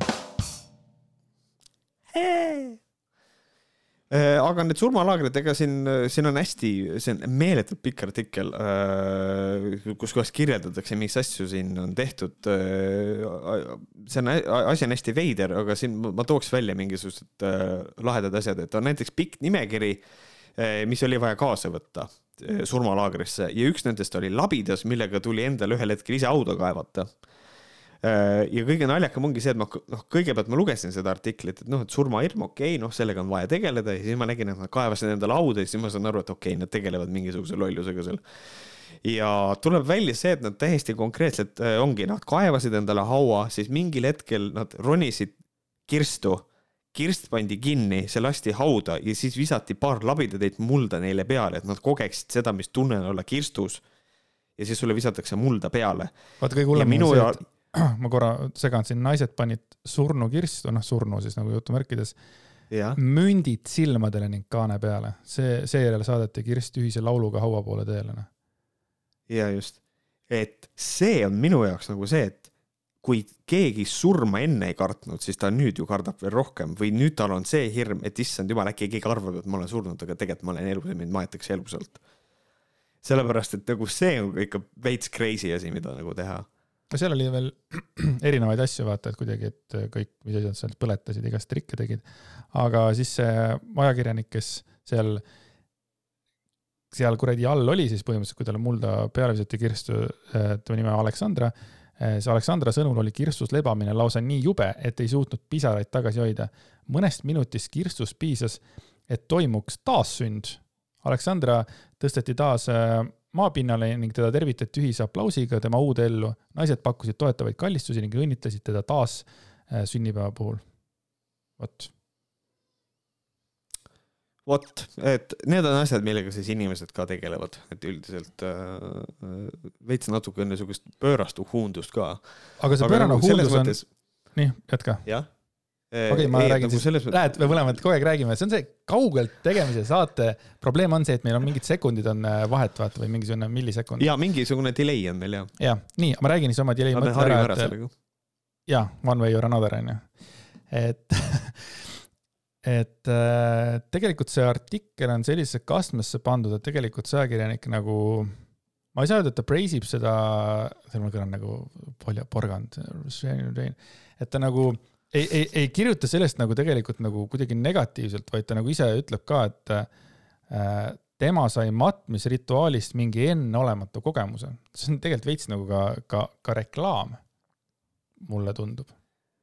no selles mõttes tuleb tõdeda fakti, et kui sind elusalt maetakse, siis tõenäoliselt on see iga inimese jaoks enneolematu kogemus. et nagu selles mõttes Sure, äh, see võis olla enneolematu kogemus, aga kas see sul, sinu surmahirmu aitab, ma, ma nüüd selles ei ole sugugi kindel. et äh, see ei ole, ei tundu mulle väga ratsionaalne lahendus, kuidas sellest hirmust niimoodi nagu vabaneda. aga jah, taassünd on see, et me mängime, et ega hea küll, hea küll tegeletakse siis ka selliste asjadega Eesti Vabariigis, et selles mõttes ah,, mis, mis ma veel tahtsin öelda, on see, et mulle meeldib lugeda vahepeal mingisuguse uhuunduse kohta, mis on nagu ei räägi vibreerimisest, ei räägi kristallidest, ei räägi mingisugustest äh, erilistest energiatest äh,, kosmilisest valgusest, vaid see, et nad lihtsalt matavad üksteist kollektiivselt maha ja siis plaksutavad, tule välja, sa oled taassündinud, et see on nagu, see on nagu natuke nagu äh, vaheldusrikkam uhuundus huvitav, kas Anu mõtles selle ise välja või see on mingisugune kuskilt varastatud või no mitte varastatud, laenatud kuskilt jälle välismaalt nagu enamus asju? ma arvan, et see on ikka laenatud jah, ma vaevalt, et, et siin kohalikud uhundajad suudavad ise midagi niisugust välja mõelda. see kõik on ju business päeva lõpuks ikkagi. aga me võiksime ka välja mõelda mingisuguse äh, rituaali. nagu kuulajatele või, või nagu Kuula, ei, kuulajatele rituaali selles mõttes, et äh, mida vist arvatavasti ei ole tehtud, vaid mõtleks mingi oma peas välja mingi rituaali ja siis hakkaks seda turundama. nojah, samas saa seda turundada, kui me seda välja räägime. no minu, mina pakuksin välja sellise rituaali, et äh, kõik need, kes ei ole seda veel teinud, lähevad äh, patreon.com kaldkriips Vohkarid ja võtavad endale selle viieeurise tieeri, et nad saaks lisasaateid nautida ja siis äh,, tegelikult ma ei taha öelda nautida, kuulata Äh, et võib-olla see on üks rituaal, aga kui te tahate rituaale juurde saada, siis te võite teha igasuguseid asju, mõned meie kuulajad imetavad last meid kuulates. mõned, äh, mõned, ma ei tea, sõidavad autoga, mõned käivad Prismas äh, ja mõned, mis on kõige hullem, on Kanadas. et, et igasuguseid erinevaid variante on, mida, milliseid rituaale te võite teha, kui te kuulate Võhkareid. ja kui sa kuulad seda Võhkareid, mitte seda, vaid neid meid Võhkareid Äh, trennis olles, siis see näitab ära, et sul on ka rohkem raha. Et sul on ja. rohkem raha, et kui sa käid mingi MyFitnessis või mingis kallimas trennis, et siis äh, sa võid ikkagi võtta selle kümne eurose tier'i, sest siis sa saad vaadata meie dokumenti, saad olla kursis, mis toimub ähm, uues saates, sul on materjal juba nädal aega varem käes, sa näed meie kommentaare seal selles mõttes, et äh, selles mõttes võib päris huvitav olla, et kui mul oleks võimalus ma ei tea. oh, nagu äh, kujutage ette, et te olete nagu selles mõttes, et te olete nagu see inimene, kes äh, üks ütleb, et oo äh,, võhkarid, huvitav, millest nad räägivad, aga siis sina oled see inimene, et oh, võhkarite saade tuleb homme välja, ma tean, millest nad räägivad, ma tahan kuulda seda, kuidas nad need mõtted nüüd välja ütlevad. et see on võimalik. või noh, selles mõttes vaata, me oleme vaata nii suured juba onju, et et me oleme, no me oleme nii suured lihtsalt, see on ikka ebareaalne et äh, kui mul oleks võimalus äh, nagu igapäevaselt näha äh, kommentaare, mida Jim Carrey näiteks kirjutab, vaata enda mingisse dokumenti. et siis ja, ma kasutaks seda ja ma maksaks kordades rohkem kui kümme eurot. selles mõttes, et jälgida seda, mis seal toimub. et noh, see on ikka võimas asi, me oleme täpselt nagu Jim Carrey'd just, täpselt. siinkohal äh, vabandame ja lõpetame oma Patreoni müügi, äh, aga te peate aru saama, see on, see on, see on meil sissetulek. see on see, jah, see on see, millest me üldse elamegi praegu. ja just, sellepärast et me, sest et äh, ei no selles mõttes, mina tulin, mina, mina tulin töölt ära, et keskenduda ainult podcast'i karjäärile. ja, ja, ja, ja niimoodi on, et teid on liiga vähe, et minu arveid maksta kui sa, kui sa tuled, kui sa tuleksid päriselt töölt ära ja sa ütleksid, et noh, sinu kodu on nüüd su kontor, eks ole. ja siis su naine kannaks biker shorts'e, siis põhimõtteliselt kõik, kes sulle kodus vastu tulevad, kannavad biker shorts'e, siis. ma oleks, ma oleks ülivihane selles mõttes. kirjutad Delfisse, mul on, kõik mu kaastöötajad kannavad biker shorts'e. oo, kui palju inimesi on? üks. vot see on jah. aga kuna ma, kuna ma olen ju lõksus ma olen puuris. ja, ja just, sa oled lõksus, sest et sa oled abielus. ma olen abielus ja, ja kodu on mu kontor ja kõik asjad. ja puur, ja puur ja puur ka, ma olen nagu kanaarilind. aga kirju võite ka kirjutada selles mõttes, et äh, juba uues Patreonis on juba, juba on üks kiri, mida on vaja hakata lugema just, just, meil on olemas selleks meiliaadress, äh, milleks on võhkarid.gmail.com ja õ-tähe asemel on number kuus. Äh, hästi lihtne, kirjutage meile sinna, mis te arvate, see ei pea, meil ei pea ainult positiivseid kirju kirjutama. meile võib ka kirjutada negatiivsemaid asju, see ka on okei okay.. Äh, ja tihtipeale loeme ette ka, kui just ei ole palutud teisiti. aga selline oli Võhkarite viiekümne seitsmes osa Äh, me pealkirja mõtleme varsti Andresega välja vist.